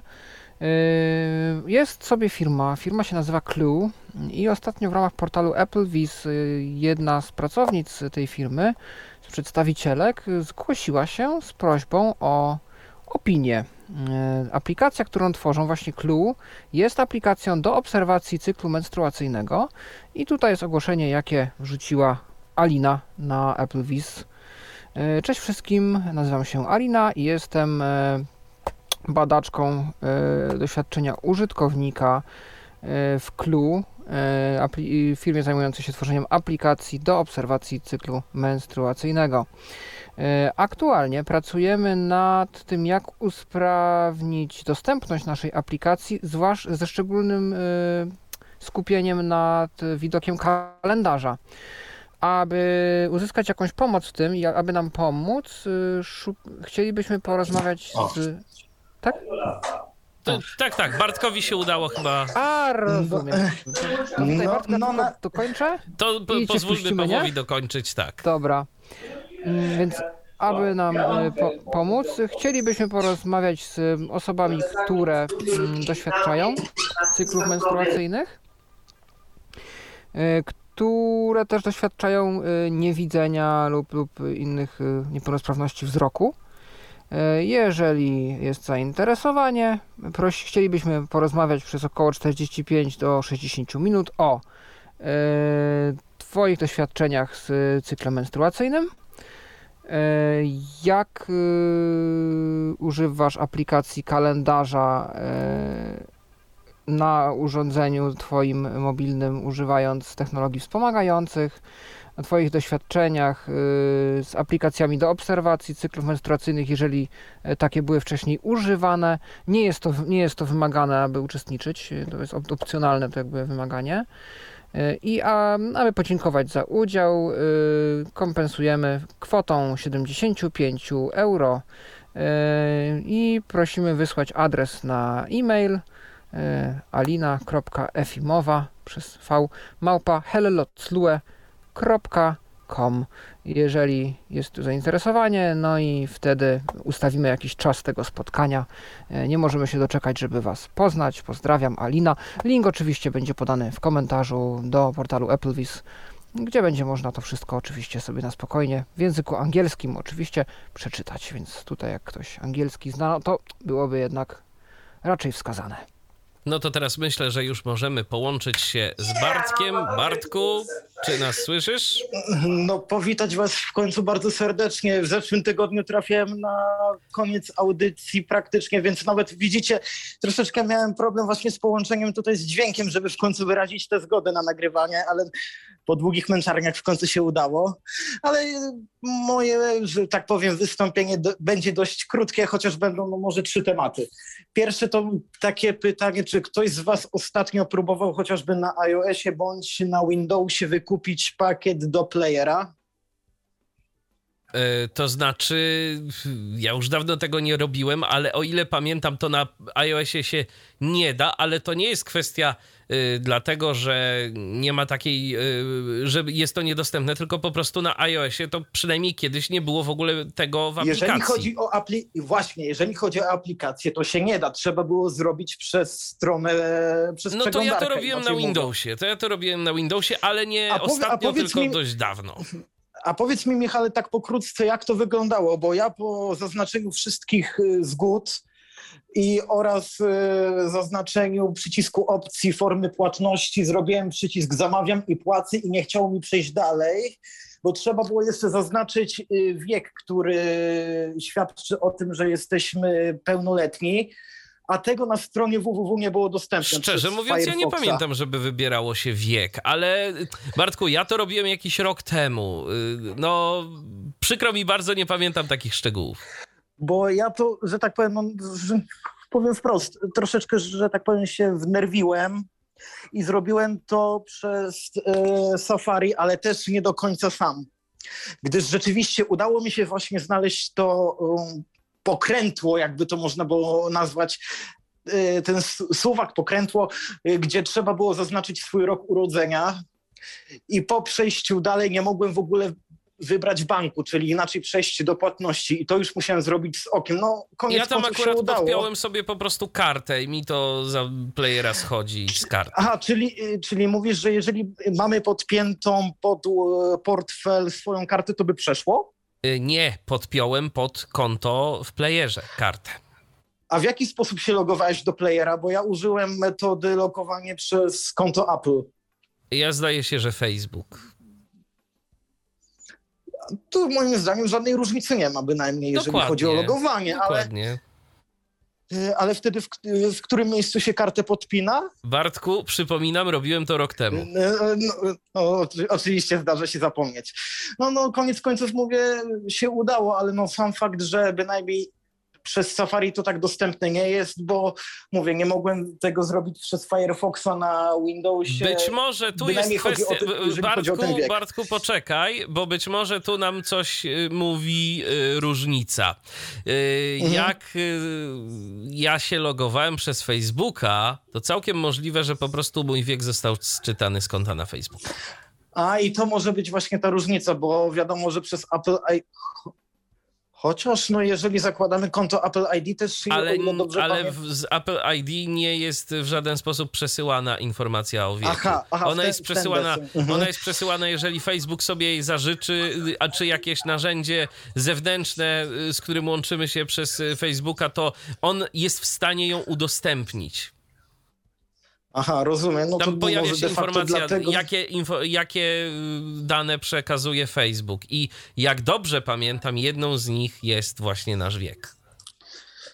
No to czyli no, de facto, jeżeli ma się podpięty wiek pod Facebooka, to można wybrać to, ale no, ja zdecydowałem się tą opcją, dlatego no, że hasło bardziej jest, że tak powiem, łatwiejsze do zapamiętania dla mnie i dlatego właśnie wybrałem tę drogę, ale no bynajmniej mówię, jeżeli ktoś by chciał zakładać, znaczy się zakładać, wykupić pakiet, bo samo zalogowanie to jest po, prostu bułka z masłem, wpisujemy login, hasło i wszystko jest gotowe, tylko właśnie z, wykup, y, z wykupieniem y, pakietu tutaj może być problem, jeżeli mówimy o przeglądarce zarówno Windowsowej, jak i bynajmniej iOS-owej, tak? Czyli y, w Apple. A nie wiem, jak jest z Androidem, bo sam z Androida na co dzień nie korzystam. Y, To jeżeli chodzi o ten temat, to będzie wszystko. A drugi temat chciałbym tak zapytać, czy tutaj chciałbym się odnieść do kwestii społecznej troszeczkę. y, jak korzystacie z komunikacji miejskiej w, własnych miastach, bo rozumiem na pewno, że korzystacie. No chyba, że są tacy, którzy no po prostu albo pieszo, albo za pomocą transportu prywatnego. Ale y, pominąwszy te kwestie, chodzi mnie o to, w jaki sposób w waszych miastach są zapowiadane y, przystanki w komunikacji miejskiej. Chodzi mnie mianowicie, mianowicie o to, czy jest to głos syntetyczny, czyli zazwyczaj jest to, bynajmniej w przypadku mojego miasta, czyli Bydgoszczy, jest to Paulina, czy jest to nagrane, że tak powiem, no, normalnie mową ludzką. W Warszawie póki co jest nagrane. Bo ja no. wiem, że w, Warsz w, Warszawie to Tomek, świętej pamięci Tomek Knapik no nagrywał. No właśnie, a co będzie dalej, to zobaczymy. Bo a zazwyczaj mnie, y, teraz mnie się rozchodzi o to, w jaki sposób są nagrywane nowe lub tymczasowe przystanki. Na razie jeszcze nie trafiłem na żaden. No Śląsk, jak ja jeszcze ostatni raz jechałem, miał y, też nagrywane przez y, osobę żywą. Y, więc nie wiem, jak tam teraz. No bo u, u mnie w Bydgoszczy jest pewna partia autobusów, gdzie głos zapowiada syntetyczny, a w większości de facto zapowiada głos naturalny. Tyle, że tam, gdzie zapowiada głos syntetyczny, to jest, jest to całkowicie nie do zrozumienia. No już spotkałem się z krytyką ze strony osób niewidomych, ale też zauważyłem właśnie, nie wiem na czym to polega, jeżeli właśnie chodzi o nowe przystanki lub tymczasowe. To też zależy od sytuacji. Jedne nagrywane są głosem ludzkim, a drugie są nagrywane głosem syntetycznym. No jeżeli Nawet chodzi na mówią... przykład, y, to, to ja od razu powiem, jeżeli chodzi o Iławę, y, no my tu co prawda tych przystanków za dużo nie mamy, ale te przystanki zostały nagrane syntezą i, o, i to jest, co ciekawe, słuchajcie, Agata. A powiedz mi, Michale, jakościowo, jak na przykład jest powiedzmy ściszone, no nie maksymalnie, ale no tak powiedzmy. No jakościowo nie jest to rewelacja. Jest, nie, czyli nie jest. Re, rewelacją to nie jest i też rzeczywiście te y, głośności są bardzo różne. Zdarza się, że kierowcy mają to wyłączone, niektórzy mają to y, włączone, niektórzy mają to włączone cicho. No zdarza się, że, że jest to ustawione poprawnie. No w, dzisiejszych, w dzisiejszych czasach, jeżeli chodzi o lato, to też może zagłuszać klimatyzacja, prawda? Teraz właśnie przed chwilą wracałem tutaj ze znajomym, jechał właśnie autobus, gdzie był yy, teoretycznie yy, zapowiedzi nagrane głosem syntetycznym, ale one oczywiście były wyłączone. Natomiast y, chyba w Łodzi i w Krakowie też są, zdaje się, nagranie, nagrane y, żywym głosem zapowiedzi. A jest jeden głos, czy jest kilka głosów? Bo jeszcze taką kwestię W Krakowie tutaj... zdaje się, że jest jeden, w Łodzi nie wiem, bo to słyszałem tylko od kogoś gdzieś, więc nie wiem jak to wygląda.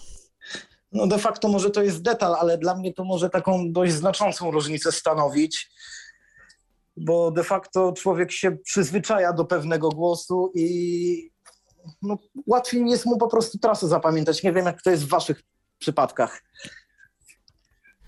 Nie, znaczy bylebym usłyszał co, kto, no to, to jakby... No to mogę cię Tomku zapewnić, że jakbyś przyjechał do Bydgoszczy i trafił na autobus z mową syntetyczną, to chyba byś jednak nie zrozumiał. Bynajmniej takie jest no moje to też jest kwestia, Po pierwsze, Paulina jest generalnie mało wyraźnym syntezatorem. Niestety Paulina jest również często wybierana do zapowiedzi na stacjach kolejowych, zwłaszcza mniejszych. I no te zapowiedzi, no to są tak różnie zrozumiałe. Natomiast no tym bardziej, że na dworcach kwestia... jeszcze dochodzi echo. Tak, natomiast to jest chyba kwestia y, samej syntezy jako takiej, no bo na przykład na dużych dworcach jest Iwona Ewa, no i tam to jest dużo lepiej ze zrozumieniem. Na wschodniej... A czy na te głosy nie trzeba mieć jakiejś licencji? Czasem? Tak, tak. Na wszystkie no właśnie. trzeba mieć licencję. Czy właśnie nie wiem, czy na Paulinę nie jest najłatwiej jej zdobyć, bo ona jest wbudowana w Windowsa.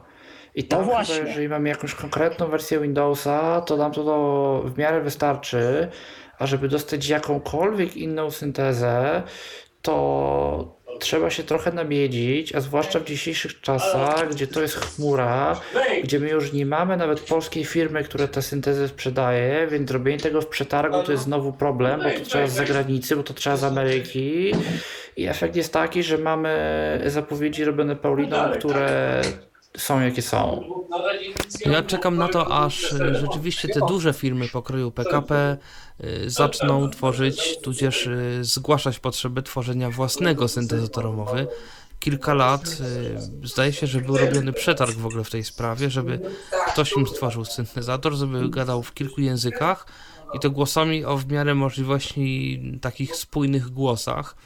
Więc ciekawe, czy na przykład teraz Microsoft... Jeżeli będą spójne, spójne głosy, to wydaje mi się, że to może też być syntetycznie nagrane. No o to chodzi właśnie, żeby to był syntezator, który czyta w różnych językach, ale takimi spójnymi głosami, więc no ciekawie Ja, ja się zastanawiam, niedługo... jakby to na przykład Espik czytał. No nie, No, Espik też nie jest głosem troszeczkę- wyraźnym, więc... pamiętaj... Czy zależy jeszcze w jakiej prędkości, prawda? Nie, No to, to... nie, nie, nie, nie, nie. To nam się tak wydaje, bo tego Espika dobrze znamy. Natomiast pracując na niewidzialnej wystawie, Espik dla 90% odwiedzających wystawę, to na jakakolwiek by to nie była prędkość, to nie On nie jest zrozumiały, nic. dokładnie. To nie jest głos, to nie jest głos naturalnie brzmiący, ludzko brzmiący, to, no to równie dobrze można by było, nie wiem, z pikiem zrobić albo, albo ja mogę Apolla użyczyć i, i, i zrobić te zapowiedzi. Teoretycznie to wszystko jest sztuczne pewnie po można by prostu. RH Voice'a użyć, tylko że RH Voice y, licencyjnie nie zezwala na działalność, która by- miałaby przynosić zyski. Z drugiej strony pytanie, nie wolno czy... nam używać tak naprawdę. Słucham? Mówię, RH Voice'a nawet w pracy nie wolno nam używać tak naprawdę. No Właśnie. Ostatnio czytałem, y, taki artykuł się ukazał y, na stronie którejś z tych fundacji zajmującej się y, oprogramowaniem otwartym, że licencja właśnie ta Creative Commons dla użytku niekomercyjnego, na który jest wydany RH Voice, nie jest licencją otwartą i że od takiego oprogramowania to my jako ludzie powinniśmy się trzymać z daleka, bo y, tego oprogramowania nie możemy używać w pracy i tak naprawdę jeżeli ktoś użył RH Voice na przykład do zrobienia podcastu, za który mu zapłacili, to już podobno może mieć problem. Tak. Okej, i jeszcze w międzyczasie przyszła mi jedna myśl do głowy, a chciałem się zapytać mianowicie o to, gdyż teraz, jeżeli chodzi o internet, to podłączyłem sobie y, mobilne Wi-Fi, a zastanawia mnie y, to, jak odpalę sobie aplikację radiową, puszczę streaming, zminimalizuję y, aplikację do zasobnika i zablokuję klawiaturę, to po kilku minutach automatycznie mi się streaming wyłącza gdzie na danych komórkowych tego nie było. No i właśnie się zastanawiam, co to może być tak naprawdę powodem. Ciężko powiedzieć, powiem szczerze. Ja się nie spotkałem z czymś takim. Nie wiem, czy ktoś z Was spotkał się z taką sytuacją. Chyba nie. Bo ja, na, ja nawet w ustawieniach wyłączyłem e, przesył, przez dane komórkowe aktualnie. Bartku, Oczy- zapytam inaczej. A jaka to aplikacja? To, to jest aplikacja Radio SK. No, odpalamy aplikację, puszczamy streaming. No i ja, żeby mi y, ciągle grało, muszę pozostawić odblokowany telefon i oczywiście aplikację na wierzchu. Nie mogę jej minimalizować. To wiesz co, spróbuj może w takim razie wyszukać, y, bo to może jest problem y, typowy dla tej konkretnej aplikacji. Spróbuj użyć jakiejś y, takiej bardziej mm, ogólnej aplikacji do, do strumieni i zobacz, czy problem będzie też występował. Czy to jest jakby typowy dla no ja jednej? zobaczę za, kilk, y, Mhm. za kilka dni po prostu uruchomię sobie dane komórkowe i zobaczę, jak na nich będzie się ta aplikacja zachowywała, bo, no bo zastanawiam się, bo dopiero po podłączeniu tego Wi-Fi tak naprawdę to się stało. No to zobacz, być może to jest, być może to jest problem y, rzeczywiście łącza, y, które z tymi serwerami specjalnie się nie lubi. No to by wymagało jakichś dłuższych, większych testów y, różnych. Ja bym jako pierwszą rzecz polecał też sprawdzenie po prostu tego samego radia, tej samej, samej stacji radiowej w innej aplikacji, żeby wykluczyć, że coś tam programistycznie jest nie tak. Okej, i jeszcze takie jedno pytanie de facto nie ode mnie, tylko od koleżanki, bo tutaj zaproponowałem, żeby skorzystała z aktywnego samorządu. Możecie mi powiedzieć tylko, do kiedy można składać wnioski? Ja powiem tak, na pewno jeszcze można. Y, jakiej tam jest miesiąc graniczny? Nie wiem, czy nie wrzesień, ale po, y, powiem szczerze, nie pamiętam teraz. Nie pamiętam. Y, wiem, że na pewno, na pewno jeszcze teraz cały czas jest to możliwe. Okej, okay, no właśnie tak e, chciałem się dowiedzieć o tą granicę, ale zapewne to można wy, wyczytać na danej stronie tak, PCPR-u. No, no nie, pa, nie pamiętam teraz. Ja akurat swój złożyłem i złożyłem go jeszcze już no jakiś no wiadomo, czas temu, że co więc, roku mogą, być, mogą być inne mhm. wytyczne, prawda? Bo to tam trzeba mieć sześć pełne, y, pięć pełnych i chyba rok z kawałkiem y, plus rok y, jakiejś tam przerwy, tak? Żeby 6 lat było łącznie, żeby można było tak, tak, tak ponownie tak, złożyć. No, dokładnie. No niestety te, jakby można powiedzieć, no te, te dane, ten, ten czas oczekiwania jakby uległ zmianie, bo kiedyś chyba można było co 3 lata, a teraz co pełne 5. Więc Kiedyś no niestety... było pełne 3, teraz jest pełne tak, 5. Zgadza się, zgadza się. No niestety, no takie mamy czasy, a nie inne, no cóż. No dobrze, no y, miejmy nadzieję, że y, nie będzie już was przerywać, bo jak puściłem od początku streaming na Facebooku, to były jakieś problemy. Nie wiem, wiecie co było powodem może? Nie wiem, mi w, w, tym momencie Facebook tam w ogóle tego już nie transmituje, bo się po prostu coś pozacinało y, kompletnie z tego co widzę, więc Aha. ja polecam włączenie Tyfloradia y, tak standardowo przez y, aplikację do odbioru radia internetowego. No dobrze, no to na tą chwilę dzięki wam dzięki serdecznie również. tutaj za podzielenie się i pozdrawiamy tutaj z Bydgoszczy. Pozdrawiamy. Wszyscy, także dzięki, dzięki serdeczne. No i co? Dzięki do usłyszenia wtedy. Trzymaj się Bartku, do usłyszenia. Trzymaj się. No i co? I teraz w zasadzie przyszła kolej na coś, co już poniekąd się zaczęło, czyli drobne newsy od Pawła. To zdaje się, Pawle, już jeden z tych drobnych newsów Powiedziałeś. Tak, czy to był bardziej news dotyczący ankiety, więc nie wiem jak to tam teraz. Ja się tak trochę, trochę źle podpisałem, szczerze mówiąc, ale to tam nieważne. Wczepiłem się w ankiety, bo to była też może nie ankieta, ale wywiad. Kontakt z człowiekiem, który chce od nas informacje pozyskać. Więc nie wiem, czy poczekamy na Mikołaja z tymi newsami, czy może zacząć już teraz. Bo ja mam z drobnych newsów tylko jedną, jedną drobnostkę. Z bankiem pocztowym.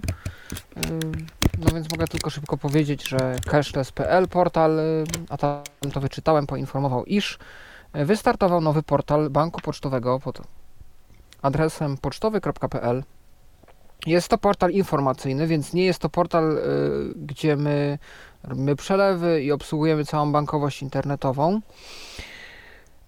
Więc można tam się dowiedzieć, jakie oferty są, można też złożyć wniosek o jakąś usługę i portal ten ponoć został dostosowany do potrzeb osób z dysfunkcją wzroku. I co prawda artykuł wymienia jedynie dostosowania tą kwestię powiększanie czcionki, kontrasty i tak więc bardzo ważne rzeczy e, dla osób słabowidzących. E, nie było nic mowy o screenreaderach. Ja wszedłem na tą stronę, przeszedłem się po niej i no z perspektywy takiej typu czystego WCAG, no to uwagi bym miał prawdopodobnie, natomiast ta strona nie działa źle. To, co widzę, że jest znamienne na tej stronie, to że jeżeli cokolwiek się pojawia, jakiś news, ostatnie wiadomości, jakieś różne tam oferty, coś tam jeszcze, to to jest robione w formie takich jakby slajdów, ciężko powiedzieć. Jakby jest to zgrupowane razem tam po trzy. I jest grupa 1 z 3, 2, grupa 2 z 3, grupa 3 z 3. Jest to tak pospinane i w tym są po prostu linki. Więc jest to taki specyficzny element, który widzę, że mm, powtarza się na tej stronie. No ale do wszystkiego, co tam patrzyłem, dało się dotrzeć, więc y, zdaje się, że strona dostępna jest. Czy to jest e, jakby coś nowego, co teraz się pojawiło, bo jest nowy portal, to nie wiem. Natomiast y, no, podali sami, że dostosowywali do potrzeb osób e, z dysfunkcją wzroku. Też pojawiła się opcja czatu w języku migowym więc y, dla osób niesłyszących, więc no, y, jakiś krok został poczyniony. Oby dalsze części, czyli tam, nie wiem, Envelo to jest chyba aplikacja tak banku pocztowego i, i, i portal y, klienta też został tam, no jeżeli tego wymaga, ja nie wiem, nie jestem klientem w pocztowym, no to też oby, oby doznał też uzdrowienia pod kątem dostępności. No i to taki ode mnie drobny news. Envelope zdaje się aplikacja do nadawania, znaczy w zasadzie strona do nadawania paczek, mm, takiego w pewnym sensie online. Y, znaczy trzeba tą paczkę zanieść, ale jakby można całą procedurę przeprowadzić mm, sobie online, wydrukować list mm, przewozowy i, i zanieść to wszystko na pocztę. Natomiast y, news, y, kolejny od Mikołaja. Y, ciekawy sposób na wprowadzanie emoji na iOS-e. Na macOSie właściwie nawet, bo jakby z wprowadzaniem emoji po niewidomemu zawsze jest poniekąd problem, bo te interfejsy nie są za fajne, one nie są za wygodne, niby są jakieś wyszukiwarki, niby da się to jakoś zrobić, ale no dla mnie to nigdy nie było jakoś fajne i wygodne i dopiero ta aplikacja, która właśnie na Macu się ostatnio pojawiła, pokazuje, że można to zrobić fajnie, można to zrobić dostępnie i, i tak to powinno wyglądać. Aplikacja działa w bardzo prosty sposób. Aplikację sobie instalujemy, uruchamiamy i w momencie, gdzie, gdy wciśniemy dwukropek lub jeżeli tak ustawimy w preferencjach podwójny dwukropek lub jaką, jakikolwiek inny znak, jaki sobie tam wprowadzimy, to możemy wpisywać emoji. Zaczynamy wpisywać jakąś nazwę y, i aplikacja od razu oznajmia nam, co ona pod tą nazwą znajduje. Naciskamy sobie strzałki w górę i w dół i znajdziemy coś, naciskamy Enter. Wstawia nam się emoji. E, do tego, jeżeli nie wpisujemy nic, a nawet jeżeli też wpisujemy coś, to aplikacja pamięta, co było wpisywane i ona będzie je premiować, będzie priorytetyzować sugestie, które kiedyś gdzieś wpisywaliśmy. Czyli możemy sobie na przykład wpisać dwukropek, nie wiem, Ukr, to tam od razu wyskoczy flaga na przykład Ukrainy.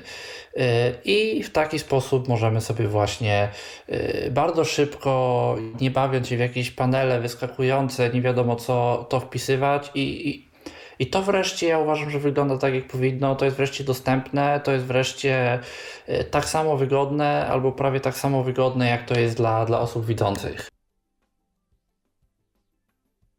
No to rzeczywiście dość ciekawe. Mm, a teraz nowości w grach audio od y, Pawła. No yy, i to nie do końca też tak ode mnie, bo no właśnie. E, jest to biuletyn, jak zwykle, który tworzy społeczność. E, tam się też udziela Piotr Machacz. Też serdecznie tu dziękujemy za e, wszystkie wrzucone rzeczy. Jest kilka nowości i to takich nowości z ostatniej chwili, które po prostu w tym tygodniu się pojawiły ale też wiem, że jest parę takich rzeczy, które już my już o tym mówiliśmy, albo wy nam o nich wspomnieliście, albo my o nich mówiliśmy, bo, bo na nie też trafiliśmy. No i już wam powiem, co tu takiego jest. O. Zaczniemy od nowych wydań, bo, bo to od nich zawsze zaczyna się biuletyn na platformy Windows, y, na platformę Windows w portalu Steam ukazał się y, nowy tytuł Kilta. Y, Kilta to jest, jeżeli dobrze kojarzę, nowa produkcja tego studia, które się nazywa My True Sound z Finlandii. Dobrze, dobrze kojarzę, to chyba, to chyba są ci twórcy. No i tu dowiadujemy się, że Kilta jest to gra, e, w której jesteśmy mistrzem gildii, czyli jakby zakładamy gildię, taki swego rodzaju cech rzemieślniczy. Mm, no i e, jako, jako taki musimy tą gildią jakoś tu zarządzać. Możemy akceptować różnego rodzaju e, wyzwania, zlecenia, od różnych osób, y, żeby po prostu się rozrastać, żeby po prostu no, prosperować. Y, można zbudować drużynę, którą się gdzieś tam później wysyła, y, która później wykonuje też razem z nami jakieś zadania i zbiera nagrody. I naszym zadaniem jest przypisywanie różnych członków drużyny do różnych misji e, i wyposażanie ich też w rzeczy potrzebne na tą misję, aby ta misja się powiodła. E, można e, rekrutować nowych członków gildii spośród listy herosów, którzy są dla nas dostępni o różnych charakterystykach, różnych możliwościach dialogowych i umiejętnościach. Są to różnego rodzaju czarownicy, różnego rodzaju magowie, więc można też sprawdzać, z jakimi wrogami mamy się mierzyć i dostosowywać do tego nasze zdolności przywódcze. I no właśnie, to jest taka, czyli taka bardziej strategia nawet z tego by wynikało, niż rzeczywiście gra powiedzmy akcji. E, tu możemy zarządzać też inwentarzem, e, bo są bronie i różne elementy wyposażenia. E, no i dokładnie, więc ta gra jest dostępna na, tak jak już wspomniałem, na Steamie. I jeżeli macie jakieś doświadczenia, jak się w to gra, to oczywiście dajcie znać. Wiemy, że wśród naszych słuchaczek i słuchaczy są osoby, które grać lubią, nawet dzwonicie do nas czasem i opowiadacie nam o grach. E, tutaj też As Dusk Falls, czyli ta gra, o której już wspominał Arek oraz Patryk w zeszłym odcinku, również się tu pojawiła. E, tutaj też o czym ty Mikołaju mówiłeś, czyli Madlet, e, usprawnienia dostępności dla Madleta zostały tu wymienione i powstały też do niego skrypty, zdaje się. Nie wiem, czy Tyler Spivey. Tak, wypuścił swoją, swoje własne skrypty, które jeszcze usprawniają y, tą mowę, zwłaszcza chyba na Macu. Y, więc tutaj Madlet się poleca, żeby go testować i się nim bawić. O, i gra tekst RPG, le, gra tekstowa RPG level 13. Level 13 prawdopodobnie. Jest to gra, o której już się mówiło, zdaje się na forum Audio Games, e, ale e, dopiero ostatnio e, usprawniono tam dostępność i z tego, co napisał deweloper, zresztą bardzo miło na Reddicie, będzie jeszcze więcej poprawek w przyszłości. I jest to gra przeglądarkowa, w której się gra, w którą się gra budzisz się w ciemności, e, jesteś w opuszczonym mieście e, ze zranioną rogą, no, nogą, no i możesz grzebać po różnych śmietnikach, zbierać jedzenie i jakiś tam me, no metal i złom, który możesz gdzieś tam sprzedać być może. Mm, no i zbierasz inwentarz i można tworzyć jakieś przedmioty i, i zbierać dalej różne rzeczy. No i taka gra jest i tam zdaje się, że y, poprawione zostały yy, grafiki ulepszone. Yy, no i w tym momencie jest to gdzieś powoli poprawiane. Wszystko jest już zaetykietowane. I są jakieś mm, dymki, które się pojawiają po najechaniu myszką, y, a teraz są już lepiej odczytywane. Ciężko powiedzieć, czy to jest z powodu tego, że gra się usprawniła, czy screenreadery w międzyczasie się usprawniły. no a takim jedynym problematycznym obszarem na ten moment, który jest nie do przeskoczenia, jest mapa, która jest dość duża i trochę jak labirynt i naprawdę dużo czasu zajmuje jej e, eksploracja i e, ciężko jest czasami znaleźć te obszary, w których się jeszcze nie było. No i tutaj, mm, że tak powiem, jest praca nad tym prowadzona, żeby dalej tą grę usprawniać. Więc jeżeli szukaliście jakiejś nowej przeglądarkówki do grania, no to jest. Teraz nowość Frantic Fire, e, nowa mini gra e, akcji. E, wchodzimy w świat, gdzie w sposób epicki wszystko zostało pogrążone w chaosie i zrównane z ziemią. I trzeba po prostu chwycić za pistolet i rozwalać wszystko, co się da, i zdobywać punkty za rozwalanie E, i można też grać multiplayer, e, można też e, no, polować na innych graczy, inni gracze i wszystko wokół w tym uniwersum będzie też polować na ciebie, więc jak chcemy sobie ponawalać, mordować przeciwników, to jak najbardziej można, gra istnieje. The End of Time Soundpack, czyli powstał soundpack dla Muda dla klienta Tintin są dodane personalizowane skróty klawiszowe, dźwięki, muzyka, bufory z kanałami, z wieloma profilami. No więc jest lista również funkcji, które można tam potem przejrzeć, co konkretnie jest dodane. E, Ploppy Pairs, o to jest też gra, o której ostatnio autor coś pisał, że usprawnia dostępność.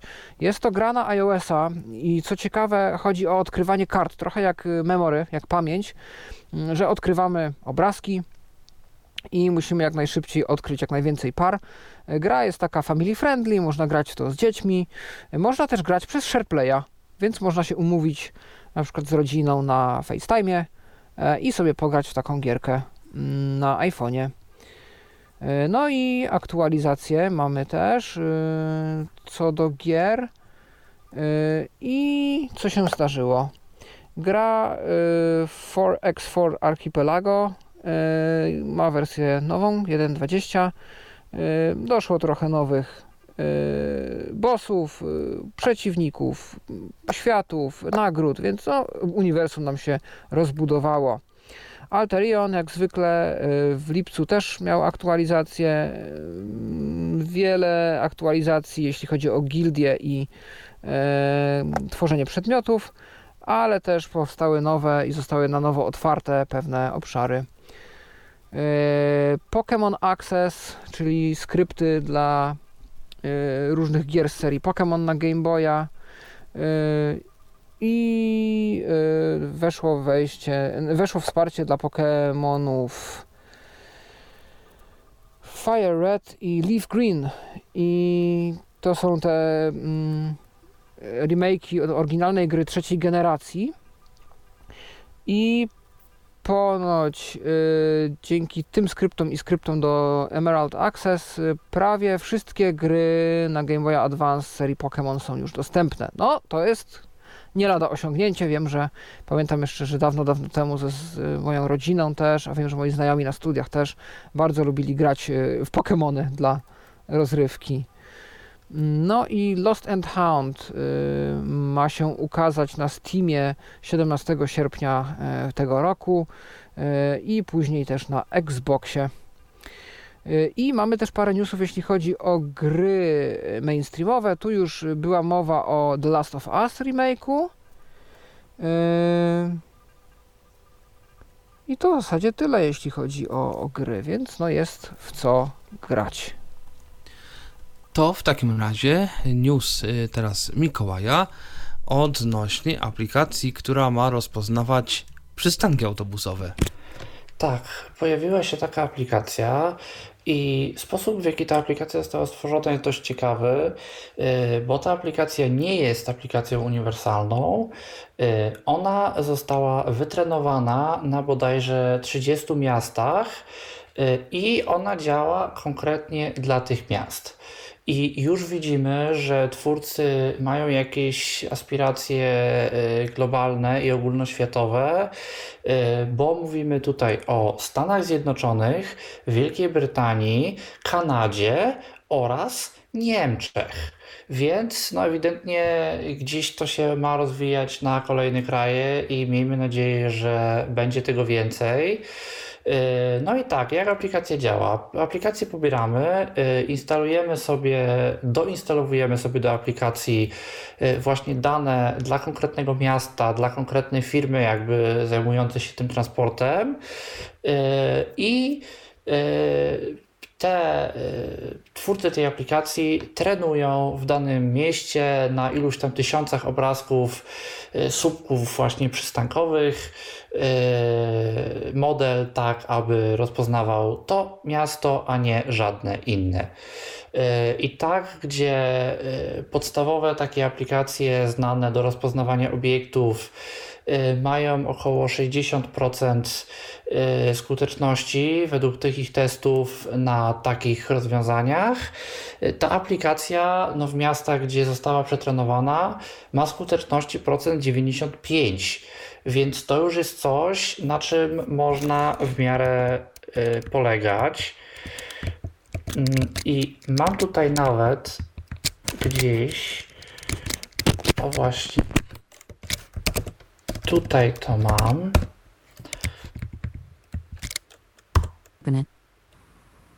O właśnie, tutaj mam demo, y, jak ta aplikacja brzmi i jak to działa.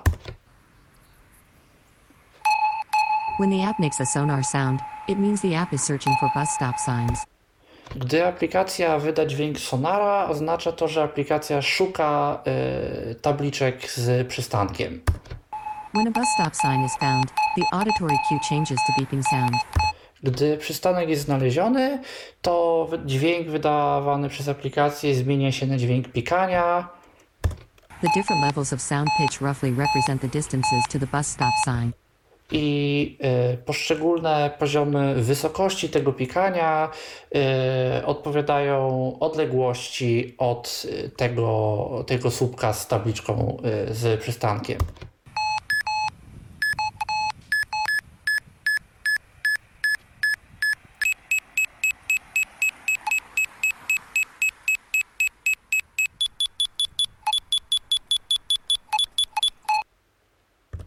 No i w taki sposób I w taki sposób ta aplikacja działa. Yy, No ja uważam, że ja uważam, że jeżeli coś takiego by weszło do Polski, to mogłoby to być przydatne. Yy, Tutaj twórcy bardzo podkreślają, że to ma być ogólnie aplikacja nawet nie tylko do przystanków, ale do czegoś, co oni nazywają mikronawigacją.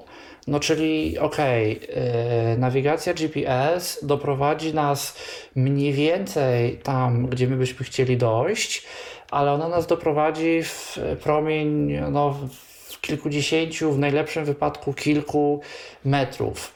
I problem, co dalej, jak znaleźć dokładnie ten punkt, którego my w danej chwili gdzieś tam szukamy. Y, I oni mówią, że na przykład y, na razie to jest kwestia przystanków, ale plany są takie, żeby to y, wprowadzić na przykład jeżeli chodzi o stacje metra, jeżeli chodzi o sklepy, o centra handlowe. Y, No, czyli jak y, tutaj słyszymy kolejny projekt y, z cyklu nawigacja właśnie w trochę mniejszych przestrzeniach y, niż GPS. Y, To, co I mieliśmy już która znowu przykład- opiera się na aparacie pewnie fotograficznym, ewentualnie lidarze. No Dokładnie, i sztucznej inteligencji. lidar, czy to jest aparat? To jest chyba aparat. e, To jest chyba aparat, ale to jest jakaś sztuczna inteligencja i to są jakieś sieci neuronowe. Czyli trochę jak. SuperSense, no bo SuperSense też ma coś podobnego. E, Mhm. Tam tych obiektów można sobie też sporo wybierać, on ma dwa tryby, tak? Czyli tryb, w którym on mówi, co znalazł, a drugi tryb, w którym można wyszukać właśnie konkretną rzecz, typu przystanek, kosz na śmieci, schody, drzwi, tam jest dość dużo tych obiektów. E, Włącznie z takimi małymi obiektami typu, nie wiem, widelec, y, pilot od telewizora, jakieś takie różne rzeczy. Więc y, tam sporo takich rzeczy jest. No tak, no tylko, że tutaj jakby różnica jest taka, że jest to e, trenowane pod, e, pod konkretne miejsce, jakby pod konkretne punkty, e, tak żebyśmy my mieli wysoką skuteczność znajdowania, znajdowania tego, a nie przejmowali się kompletnie niczym innym. Więc, więc to jest po prostu też trochę inne, inne podejście do tematu. To się zgadza. To ja teraz E, no. myślę, że możemy odebrać e, telefon kolejny, bo mamy słuchacza na linii. Tym razem jest z nami Patryk. E, No jeszcze chwila na podłączenie dźwięku. Przypominamy, że oprócz tego, że możecie do nas dzwonić, to możecie do nas pisać. Facebook dziś nam zastrajkował i jakoś na kontakt tyflopodcast.net e, na chwilę obecną się nie pojawiają żadne wasze wypowiedzi, ale to oczywiście może się zmienić. Jeszcze sobie stąd nie idziemy. No, Patryk zdaje się, że też ma jakiś jeszcze kłopot z y, przyłączeniem się do naszego systemu audio. Jeszcze chwila, ale chyba jednak na razie trzeba będzie pójść dalej. W takim razie idziemy dalej, a kolejnym newsem jest news od Pawła i to są, to jest znowu pakiet newsów, tyle że tym razem wieści ze świata. Zgadza się, dziś mam ich dla Was yy, cztery? Tak, zdaje się, że cztery. Yy, I yy, pierwsza, pierwsza rzecz już od razu, do której idziemy, czyli yy, no właśnie, ja sobie w tym momencie siedzę i mógłbym Wam powiedzieć, że cześć wszystkim, e, nazywam się Paweł Masarczyk, moje zaimki to on, jego. E, Jestem mężczyzną siedzącym e, z laptopem na kolanach na krześle postawionym naprzeciwko drugiego krzesła, ubranym, mężczyzną oczywiście, ubranym w koszulkę ze skoczni w planicy. E, Coś takiego mniej więcej zrobiła ostatnio pani e, wiceprezydent Stanów Zjednoczonych Kamala Harris e, podczas wydarzenia mm, świętowania 32. rocznicy podpisania ADA, Americans with Disabilities Act, czyli tej takiej wielkiej amerykańskiej ustawy, o którą opiera się... O! Czyż mamy Patryka? Chyba mamy Patryka. Ym, Tak, ale No, to może skończ, skończmy te tak, informacje. tak, tak. Yy, I yy, właśnie tam yy, zastosowała ona taką praktykę, która ostatnio pojawia się na wielu konferencjach związanych z osobami niepełnosprawnymi w kontekście międzynarodowym, czyli opisywanie się przez osoby mówiące, przez panelistki, panelistów, prelegentki, prelegentów, a jako właśnie, jak, jak te osoby wyglądają, jakich zaimków używają, kolor skóry, ubrania. I no właśnie, yy, jest dyskusja o tym na Twitterze, yy, czy to jest konieczne, czy to jest zbyteczne, yy, czy to komukolwiek pomaga. Oczywiście są osoby, które też tego nie zrozumiały, jakby po co taki opis został poczyniony. Natomiast nawet wśród osób niewidomych, które sobie doskonale zdają sprawę, po co to jest, są podzielone opinie, bo z jednej strony są osoby, które twierdzą, że no od urodzenia nie widzą, więc na co jest im taka informacja, że ktoś jest ubrany w coś tam, ale z drugiej strony są też osoby i do tego grona na przykład się zalicza Jonathan Mosen i on też bardzo fajnie ze, ze swoją żoną, z Bonnie omówili ten temat w ostatnim odcinku Mosen at Large, mm, że y, on no to nie widzi, to prawda, ale y, on wie, że tego typu informacje też mogą być gdzieś ważne kulturowo, bo na przykład o tym, że niepotrzebny jest nam tupecik Donalda Trumpa, my wiemy już od wielu lat dzięki piosenkom Wawa Muffin. Natomiast y, wiele osób mogło nie wiedzieć, jaki jest charakterystyczny element ubioru jakiejś sławnej osoby, która często się gdzieś pojawia e, w sferze publicznej, a tego typu informacja może się okazać gdzieś tam przydatna potem nawet w rozmowach, tak, w jakichś żartach, w jakichś memach i, i no nie tylko, no po prostu warto takie rzeczy wiedzieć, tak samo jak wiemy, że nadgryzione jabłuszko to Apple, e, no to tak samo możemy wiedzieć, że ktoś tam, jakiś e, polityk ubiera się tak m, czy inaczej i jest to jakoś charakterystyczne. Natomiast, no właśnie, jest to jakiś taki trend i też krytyka z innej strony y, na panią wiceprezydent spadła, że akurat poczuła potrzebę opisania swojego ubioru, że mogłoby to zostać odebrane tak, że jest to jakieś oczekiwanie społeczne wobec niej jako kobiety, że w przypadku kobiet y, ubiór jest gdzieś tam ważniejszy niż mężczyzn, ale to też akurat w dyskusji Jonathana zostało gdzieś tam odbite, że to przecież nie o to chodzi. No ale ja już się spotkałem z tym i to nawet w takiej bardzo prostej i podstawowej formie gdzieś, że ktoś podał swoje, e, swoje zaimki, swoją płeć, em, kolor skóry, bo gdzieś to może być potem kulturowo gdzieś tam ważne w kontekście Mm, i jakiś taki prosty opis, nie wiem, włosy, mm, nie wiem, coś, coś z ubrania, czy jakaś koszulka, czy bardziej garnitur i tak dalej.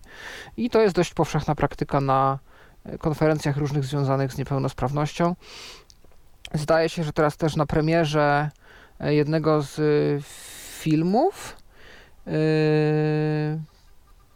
tak, Ryan Gosling i drugi aktor, który, który też występował, chyba The Grey Man się nazywa ten film, e, na tej premierze również, ponieważ tam się znajdował jakiś, e, no, znajdował się ktoś, kto e, aktywnie działa na rzecz osób niewidomych, to też e, ci dwaj aktorzy opisali swój e, wygląd e, jakby w, podczas tej, tej ceremonii.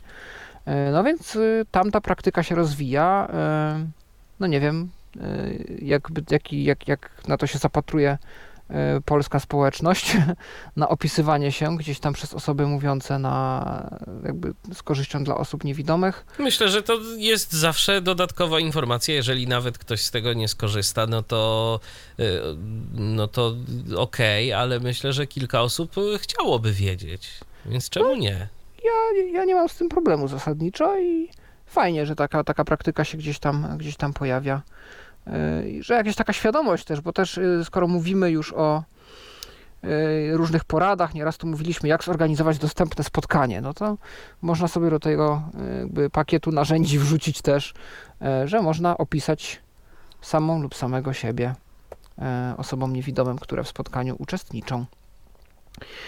E, projekty z Hiszpanii. No, ciekawe projekty w Hiszpanii się dzieją. Fundacja ONCE szaleje i tam jest cały jakby dział poświęcony innowacji, który e, tworzy projekty badawcze, eksperymentuje z różnymi e, rozwiązaniami, podejmuje współpracę z firmami, z agencjami rządowymi, również finansowane ze środków unijnych.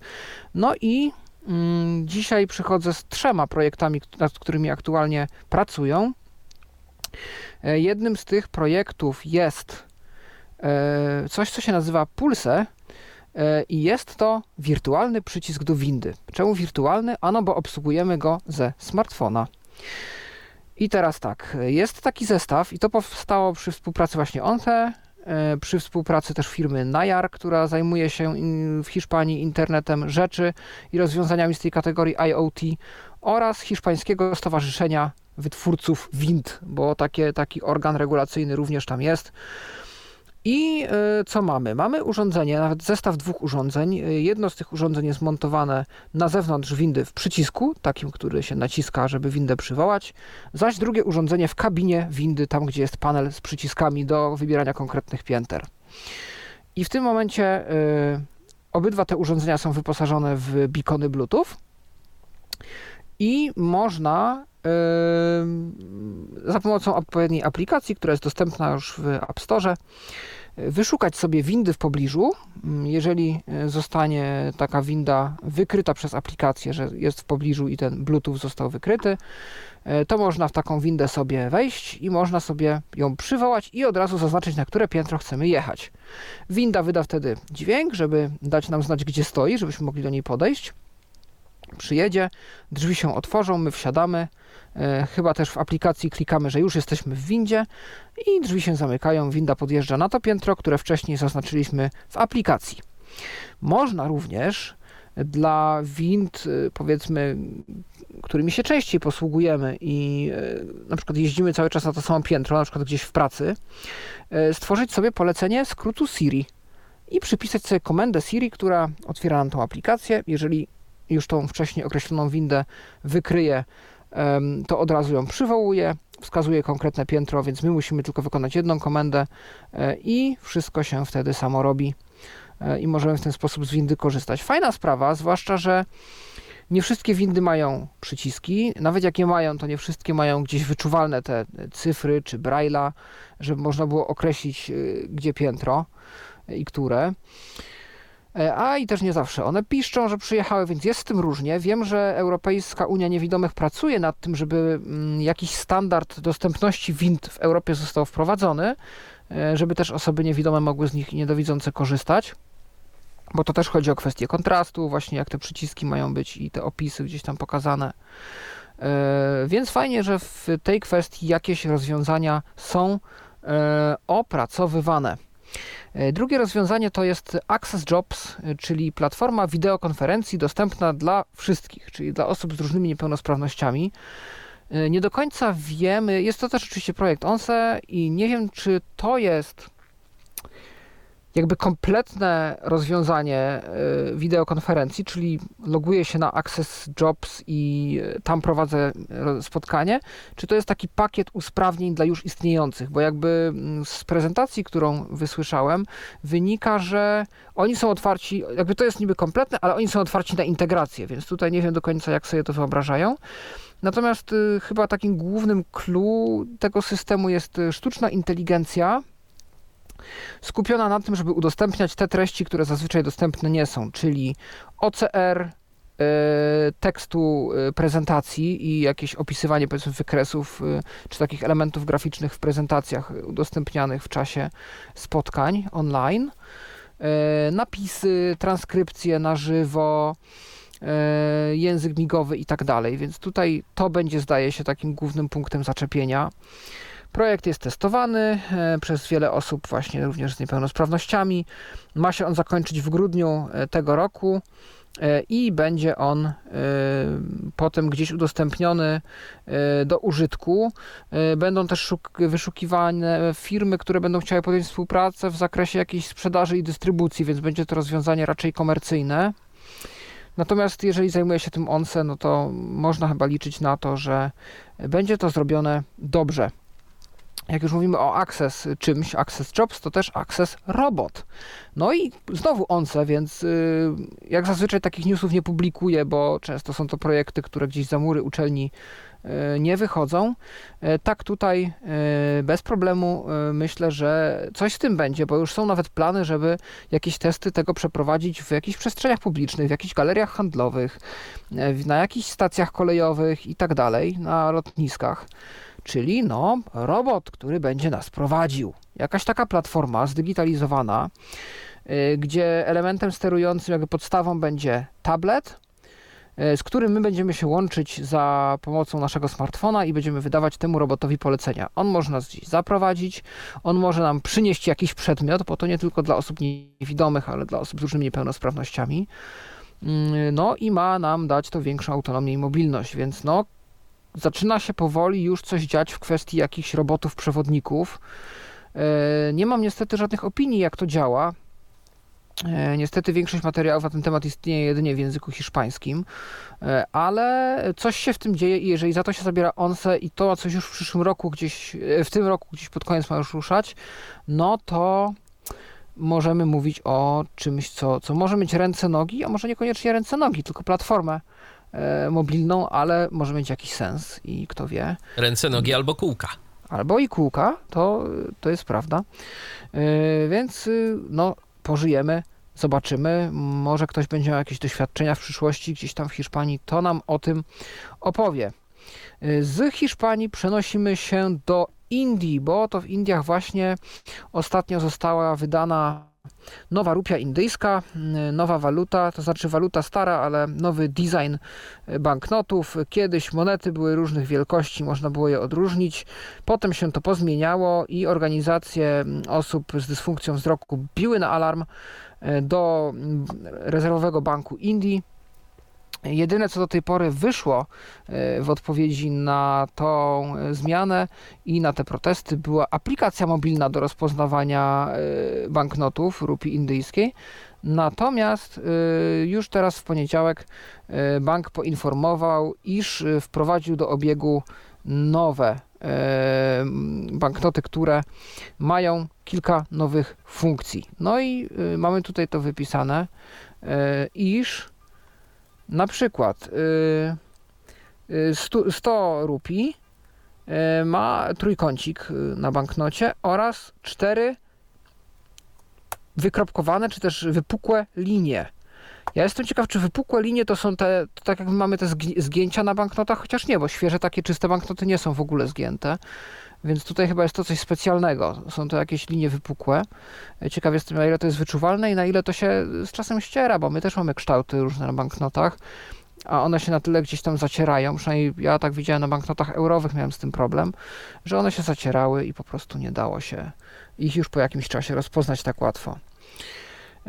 500 e, rupii e, to kółko i 5 linii wypukłych, a 2000 rupii to prostokąt i 7 linii. No więc taki jest y, patent w Indiach y, na te właśnie kwestie. Y, natomiast też wróćmy jeszcze na chwilę do Stanów, bo tam nagrodę otrzymało rozwiązanie stworzone przez naukowców jednej z uczelni, które ma usprawnić dostępność samojezdnych samochodów. Rozwiązanie nazywa się WEMI. Ja nie wiem, czy ja już o tym nie słyszałem a propos konferencji e, SiteTech Global, którą organizuje portal Mashable. Wtedy mówiliśmy o tym, jakie są futurystycznie patrząc rozwiązania e, rozważane, żeby ułatwić osobom z dysfunkcją wzroku e, korzystanie z samochodów Ja samojezdnych. też mam wrażenie, że te Mhm. nazwy już gdzieś słyszałem. No właśnie. E, A to właśnie, Uniwersytet w Maine. E, ma tam takie laboratorium, które się nazywa WEMI Lab. I dostali w narodowym konkursie trzecie miejsce i zostali zaproszeni do Białego Domu, żeby przedstawić e, e, to rozwiązanie, bo stworzyli oni mm, platformę dostępną na smartfony, która y, osobom z dysfunkcją wzroku pomoże y, w nawigacji w całym procesie korzystania z samojezdnego samochodu. Y, Jeżeli chcą zamówić sobie przejazd. WEMI otrzyma y, 300 tysięcy dolarów na rozwinięcie, znaczy no jako mm, nagrodę.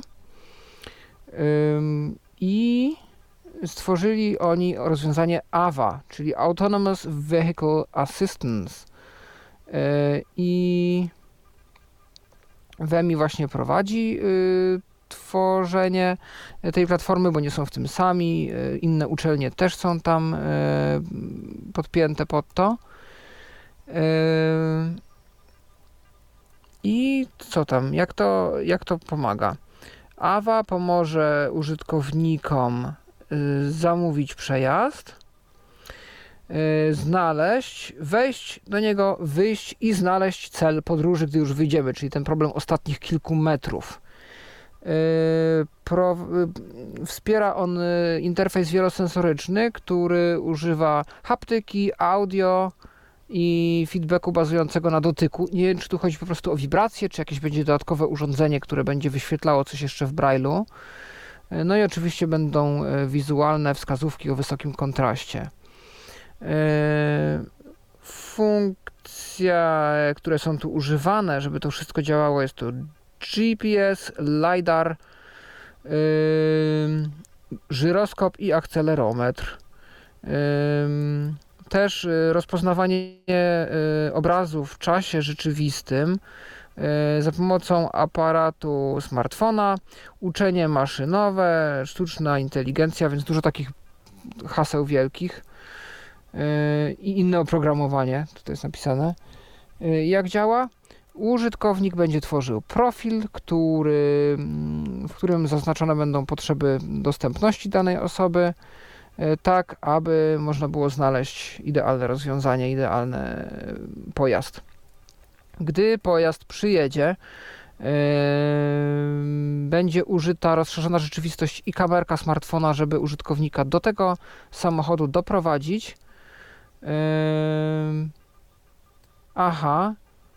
Yy, I informacje werbalne, głosowe, czyli dla osób słabowidzących będzie po prostu nałożony obraz o wysokim kontraście, czyli trochę tak w mapach Google, a dla osób niewidomych będą podane wskazówki nawigacyjne, kierunki według kompasu, e, ulice mijane, mm, najbliższe jakieś tam powiedzmy punkty POI, e, miejsca, które są w pobliżu i tak dalej. e,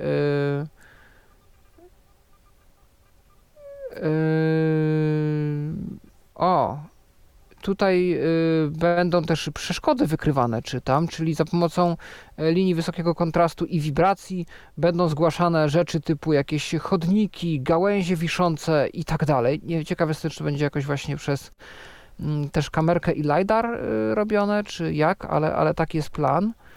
Następnie pomoże to użytkownikowi znaleźć y, drzwi i klamkę do otwarcia pojazdu. Yy, I tak samo yy, te same funkcje będą użyte po wyjściu z pojazdu, żeby yy, można było dotrzeć na miejsce do naszego celu.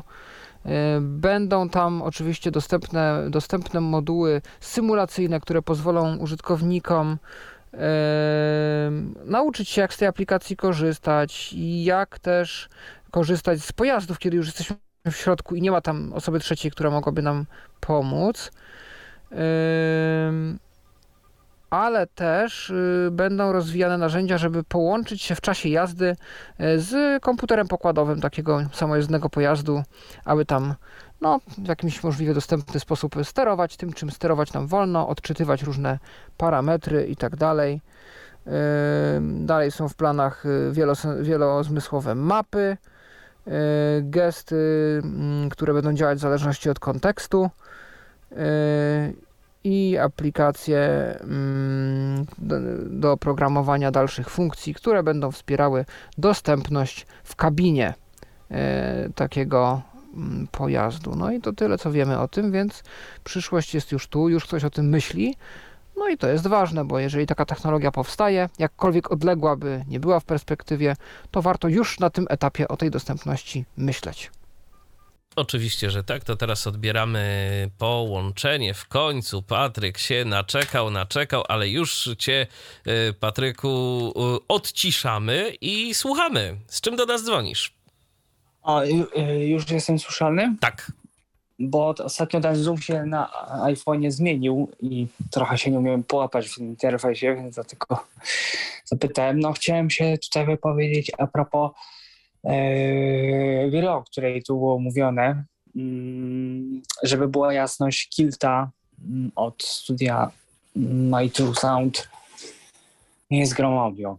To jest gra wideo, do której została wprowadzona po prostu dostępność yy, przez autorów. Po pierwsze, produkcja była we wczesnym dostępie i ona dostępności nie miała.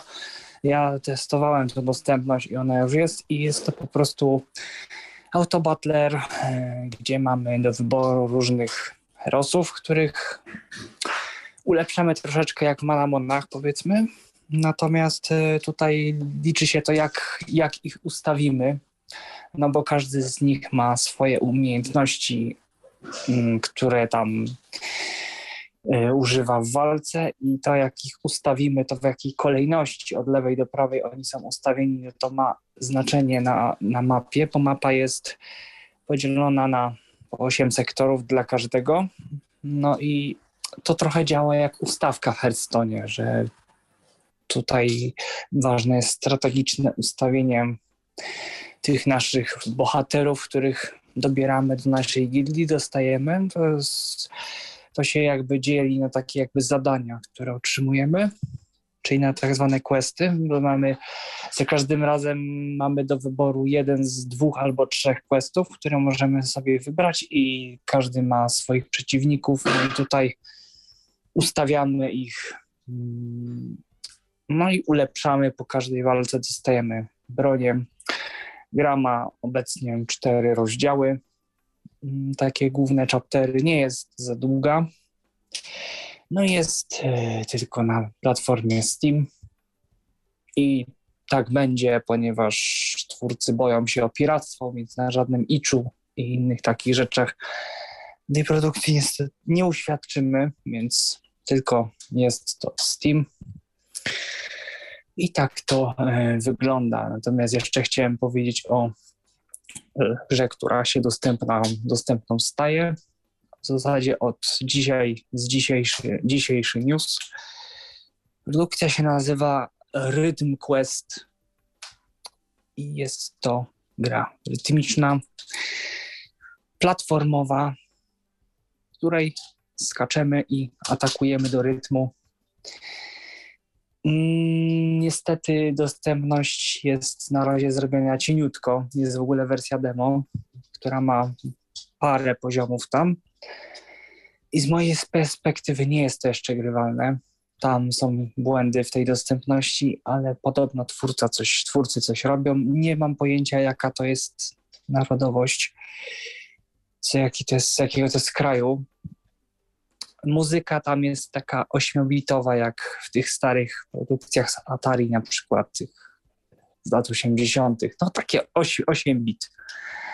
E, można na AudioGames.net w wątku New Releases Room znaleźć linki zarówno do pobrania ze strony oficjalnej demo, jak i na Steamie, na Itchu i tam jeszcze na paru innych rzeczach znajdziemy to, tą produkcję, która jeszcze dostępna nie jest, ale warto to obserwować i aktualizować. bo może się coś z tego wykluje. Na razie jest, przypominam, demo tylko do pobrania. No, natomiast jeszcze chciałem o coś was zapytać, jeśli mogę. Słuchamy. Chciałem zapytać o, o DVB Viewera, bo w zasadzie to ten program od jakiegoś czasu zacząłem używać. I chciałem się zapytać, czy znacie jakiś sposób na mm, oglądanie telewizji, znaczy na czytanie EPG, ale na przeczytanie sobie na przykład EPG, co, tego co w danym kanale, na przykład na, co na danym kanale leci, bez potrzeby włączania, mm, bez potrzeby włączenia danie, danego kanału. Bo na przykład, no wiem, że można sobie EPG w dostępny sposób przeczytać, jak jesteśmy, oglądamy dany kanał telewizyjny, co, co leci w danej chwili i możemy iść całego dnia. Natomiast nie wiem, czy da się na przykład, jak chcę sobie przelecieć wszystkie kanały, jakie mam, ale nie chcę na przykład ich włączać, tylko po prostu chcę sprawdzić, co na danym programie telewizyjnym, telewizyjnym leci w danym momencie albo będzie lecieć po prostu takie EPG, sobie przejrzeć bez wchodzenia w DVB Viewerze w konkretny kanał. Szczerze czy mówiąc, może... nie pamiętam i teraz nie mam jak tego sprawdzić, ale czy tam przypadkiem yy, w tym samym okienku nie było jakiejś listy z kanałami, yy, którą można sobie zmieniać w okienku EPG? Znaczy jest, yy, znaczy w opie... Yy, Oj, to nie, nie sprawdzałem tego. Zobacz, bo nie. ja mogę w tym momencie coś zmyślać, bo, bo, tego, bo, bo, tego dawno nie sprawdzałem, ale coś mi się kojarzy, że gdzieś tam też jest lista w tym samym oknie, gdzie masz EPG, to masz oczywiście y, te pozycje przewodnika, ale też gdzieś tam wcześniej jest lista z programami.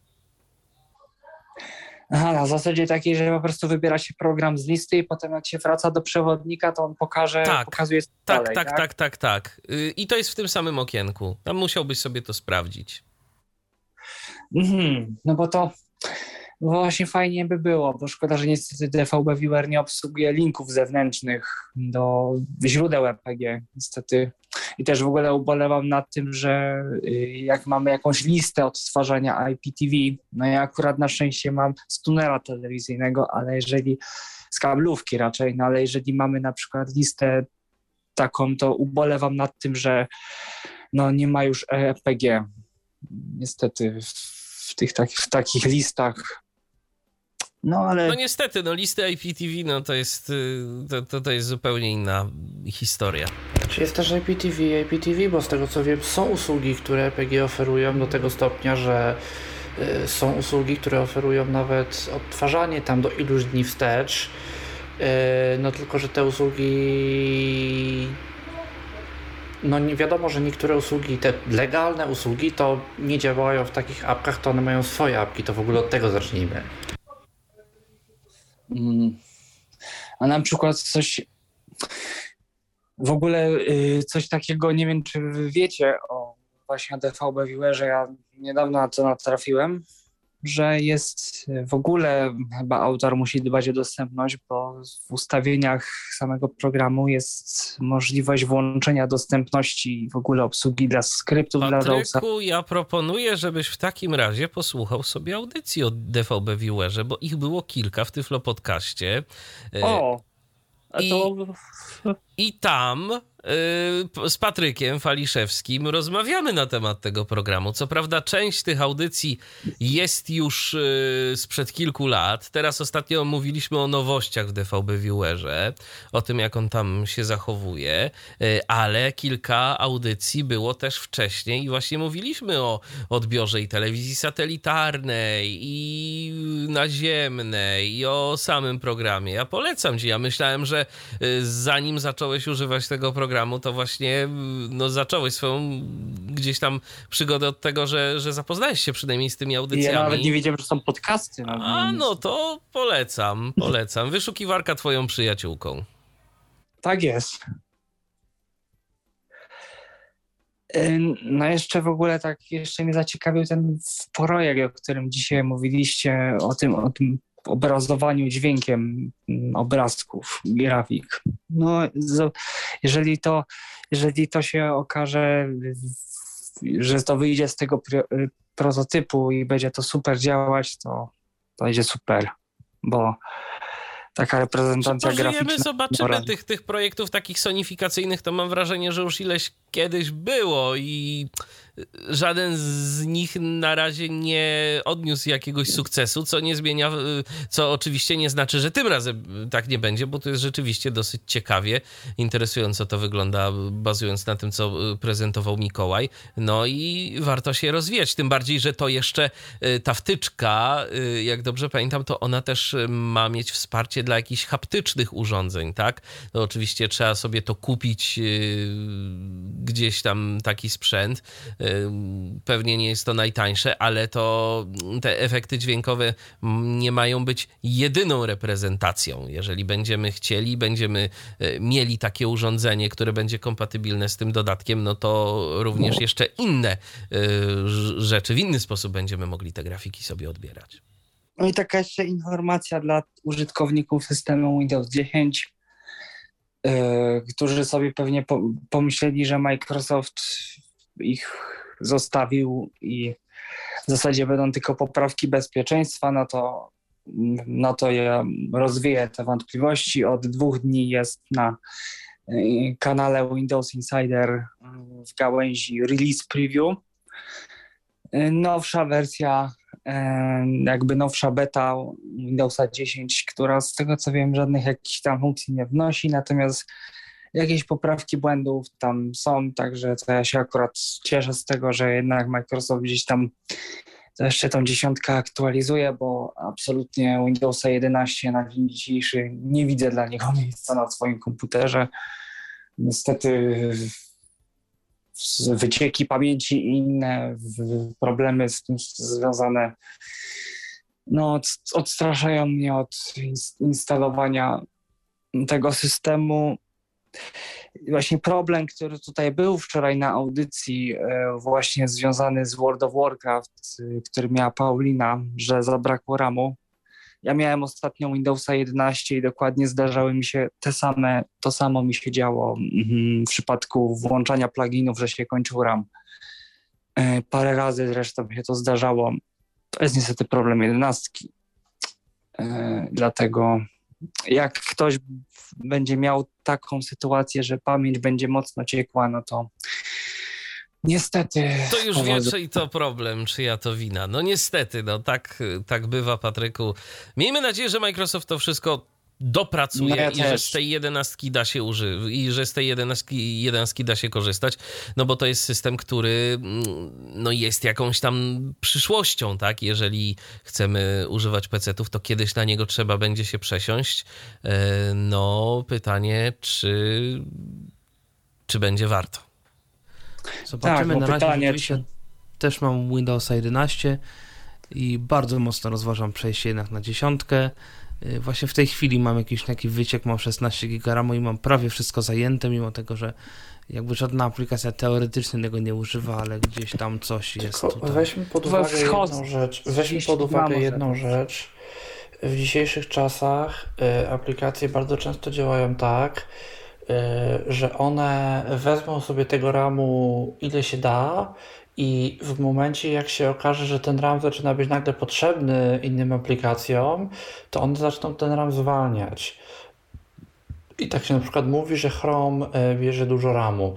No bo Chrome bierze dużo RAMu, bo Chrome sobie bardzo agresywnie e, kaszuje i trzyma w tym RAMie ile się tylko da, ale to wcale nie jest tak, że Chrome tego RAMu potrzebuje, bo jeżeli przekroczymy te tam 90 ileś procent zużycia i nagle się okaże, że tego RAMu nam zaczyna brakować, to te, że tak powiem, najmniej potrzebne części będą sukcesywnie zwalniane, aż no, w pewnym momencie zostanie tylko to, co musi być i się nagle okaże, że Chrome to jednak tego RAMu może używać sporo mniej niż on go tak naprawdę używa, więc na to... Ale mi nie o to chodzi. Mhm. Mm, po prostu, wiesz, ja nawet sobie policzyłem ileś aplikacji, które mi po prostu używają ten, y, ten RAM. Y, wziąłem sobie od najbardziej zużywających. Nawet, y, wiesz, wyłączyłem, w zasadzie zostawiłem wszystko co systemowe. To jest też laptop kupiony całkiem niedawno y, i po prostu zdarza się, że mam prawie same aplikacje systemowe i coś ten RAM zajmuje. Mało tego, gdy sobie właśnie dodałem te wszystkie aplikacje, które zużywają pamięci RAMu, to, to wcale to nie wychodziło tyle, ile, ile mam. Więc coś tu jest na rzeczy z tym RAMem w 11 i nie wiem, no może to jest kwestia laptopa, może to jest kwestia, nie wiem, jakichś sterowników do czegoś, ale no na razie takie sobie to jest pod tym względem i to jest taka norma, że po prostu w pewnym momencie tak przez jakieś godzinę od zajętych 40 paru procent zwiększa się do 90. Właśnie, właśnie tego doświadczam w tej chwili. Dzisiaj miałem przez prawie cały dzień w porządku i po prostu nagle w pewnym momencie zaczęła się ta, mm, ta konsumpcja RAMu. W sumie nie wiadomo gdzie, bo w zasadzie aplikacje zajmowały tyle, zajmują tyle w pamięci, ile zajmowały. Coś tu jest nie tak, także no, coś, coś jest na rzeczy z tym, z tym, z tymi problemami jedenastki. No ja bym ci, ja bym ci radził, jakbyś chciał w ogóle mm, Windowsa 10 i nie chciałbyś, żeby się aktualizował system, podobno to działa, tylko musiałbyś do tego poprosić oko.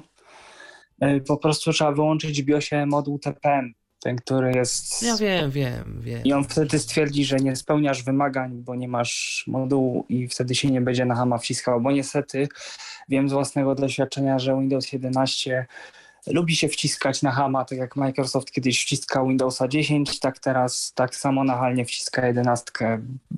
Jak nawet jeżeli ją odrzucimy za pierwszym razem, że nie chcemy zainstalować, to pewnego razu nam się może komputer zesetować sam z siebie i 11 się wgra. Już to, ja już to przerabiałem, także wiem, że tak się lubi dziać. No. Okej, okay, Patryku, czy coś jeszcze? To wszystko. Dobra, to dzięki za telefon w takim razie, pozdrawiamy cię. No i już a teraz dobrej nocy. Dobranoc. Trzymaj się. No to cóż, ostatni news z tej rubryczki Tyflowieści, w zasadzie ostatni pakiet newsów, bo drobne newsy tym razem od Mikołaja. Tak, już.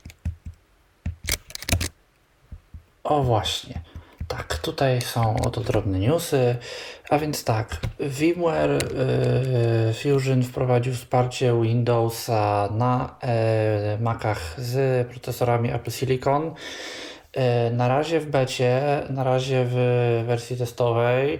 Y, nowość może być ważna dla użytkowników czytników ekranu o tyle, że y, ma podobno sporo mniejsze, sporo mniejsze opóźnienia w porównaniu na przykład z aplikacji Parallels, która się do tej, która do tej pory była taką najsensowniejszą opcją.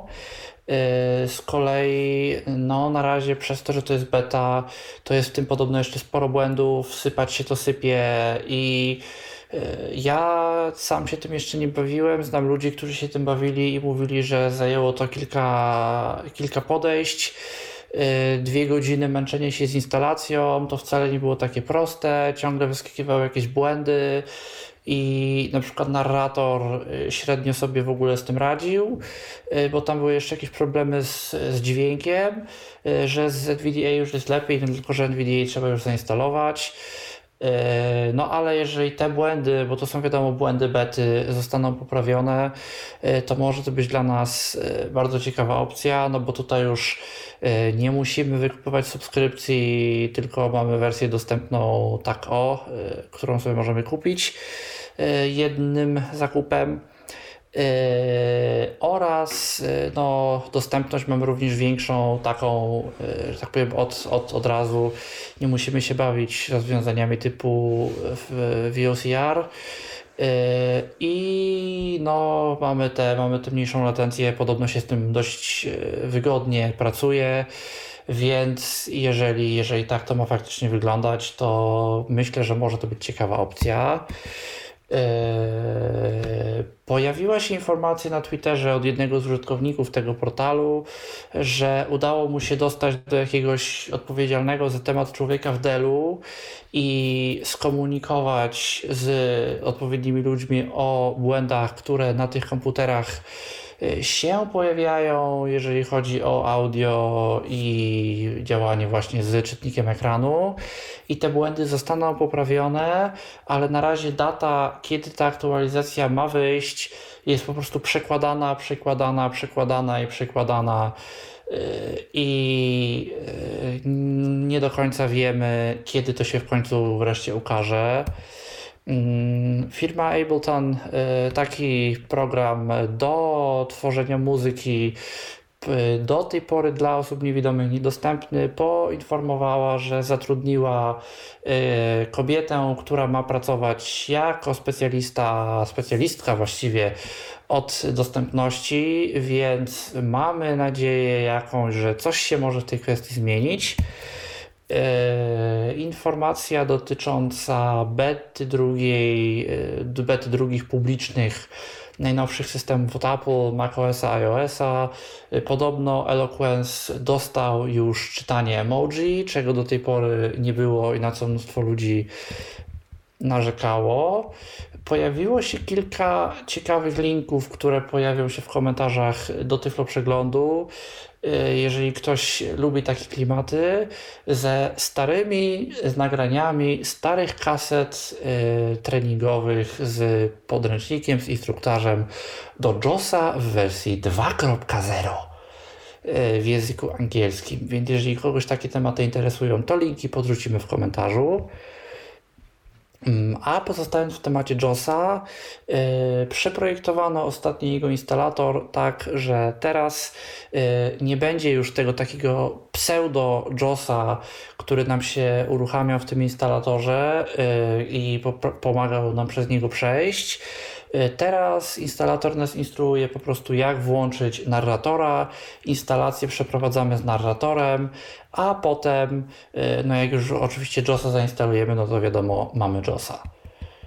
Y, APH, czyli firma, o której już tu dzisiaj wspominaliśmy, stworzyła jakąś technologię do tworzenia map dotykowych, która na razie jest dostępna w Stanach E, pojawiła się ankieta na Twitterze, w której zachęca człowiek, który nad nimi pracował, e, osoby mieszkające poza Stanami Zjednoczonymi e, do jej wypełnienia, żeby ocenić, jakie jest zainteresowanie właśnie poza Ameryką tymi mapami, a uważam, że może być to coś ciekawego, bo technologia polega w skrócie na tym, że bierze z jakiejś bazy, nie wiem co to jest za baza, punkty, ulice, drogi, linie kolejowe y, i wszelkiego rodzaju interesujące miejsca w pobliżu danego adresu i jest w stanie nam stworzyć dotykową mapę, y, którą możemy sobie sami wydrukować lub zamówić i wydrukować w jakiejś instytucji.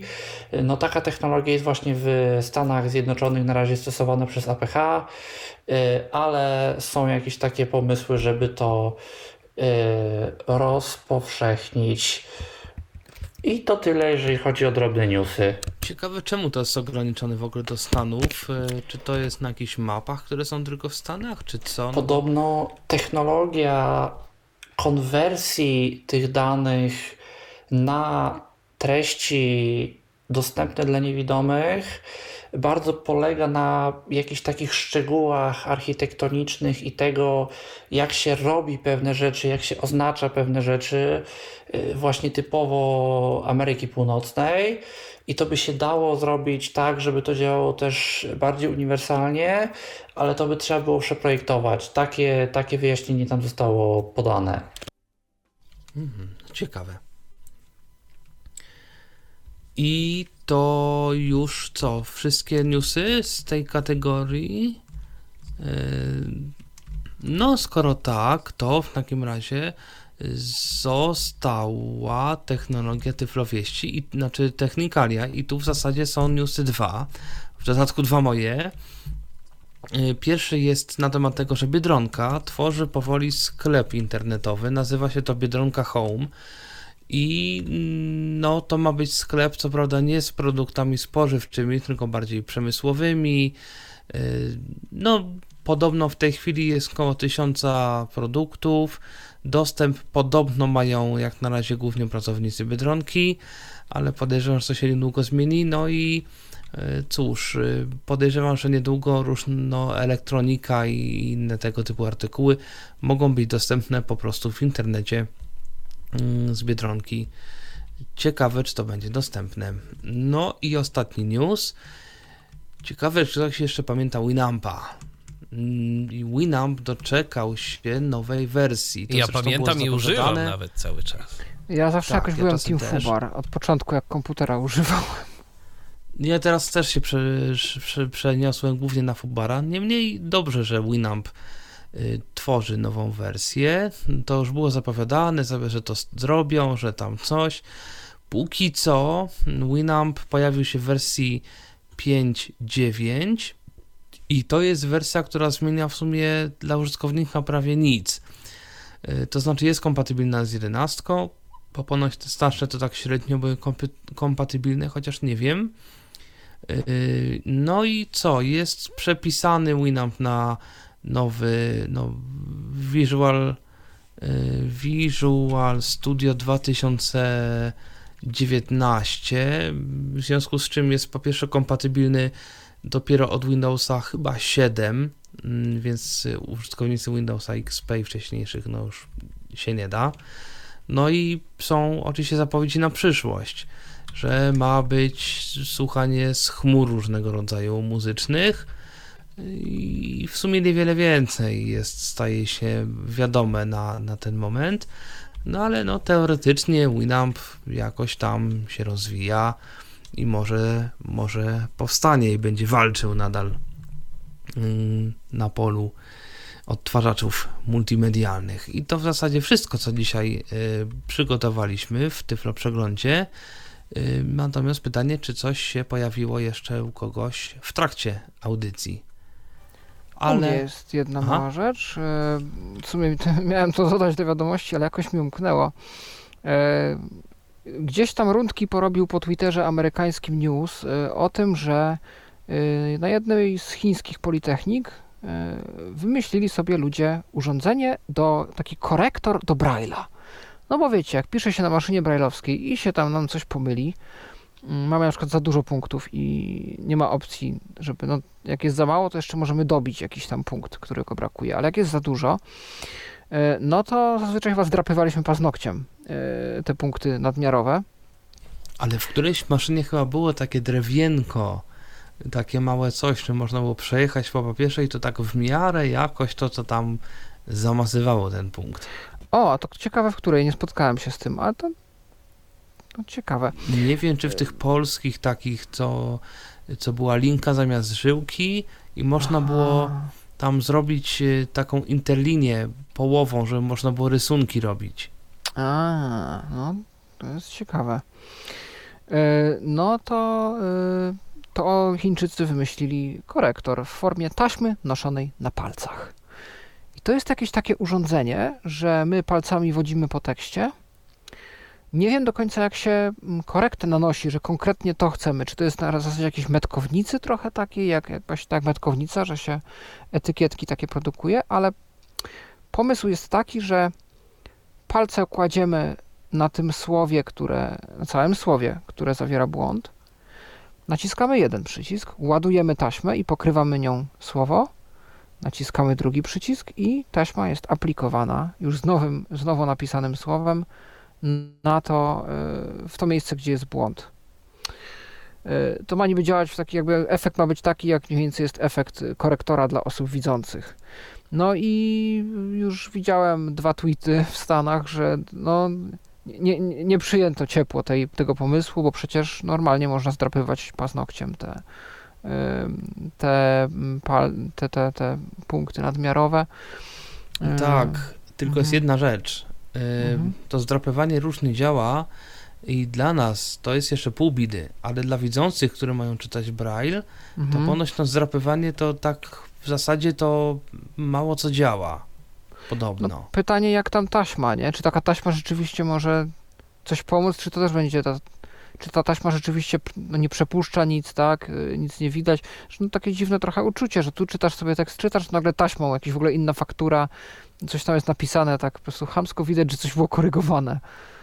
No, z jednej strony tak, ale z drugiej, jeżeli ten błąd, wiesz, napisałeś już coś, masz Mhm. całą kartkę zapisaną tekstu i okazuje się, że gdzieś na górze masz błąd. No to co Mhm. zrobisz? Okej, załóżmy, że to zdrapiesz i teraz co, wkręcasz kartkę w maszynę, więc troci się już troszeczkę zamarze, no bo Mhm. tak to działa i co? I coś tam ewentualnie dopiszesz. No, no tak. Okej, no to zobaczymy. Na razie jest to pomysł, jest to jakiś design, y, więc zanim to wszystko wejdzie jeszcze na, na rynek, y, no to trochę czasu może minąć. No, pożyjemy, zobaczymy. No i to tyle jest. ode mnie. No to taki też ciekawy pomysł. Zobaczymy, co z tego y, wyjdzie. A na dzisiaj w takim razie to już chyba wszystko. Także mm, będziemy się już z Państwem żegnali. Ja tylko przypomnę, że dzisiaj w Tyflo Przeglądzie udział brali Mikołaj Hołysz, Paweł Masarczyk, Michał Dziwisz Dobrej i ja, nocy. czyli Tomek Bilecki. Do usłyszenia. Chyba nie pozostaje nam mi nic innego, jak powtórzyć za resztą prowadzących. Do usłyszenia i dobrej nocy. Był to Tyflo Podcast. Pierwszy polski podcast dla niewidomych i słabowidzących. Program współfinansowany ze środków Państwowego Funduszu Rehabilitacji Osób Niepełnosprawnych.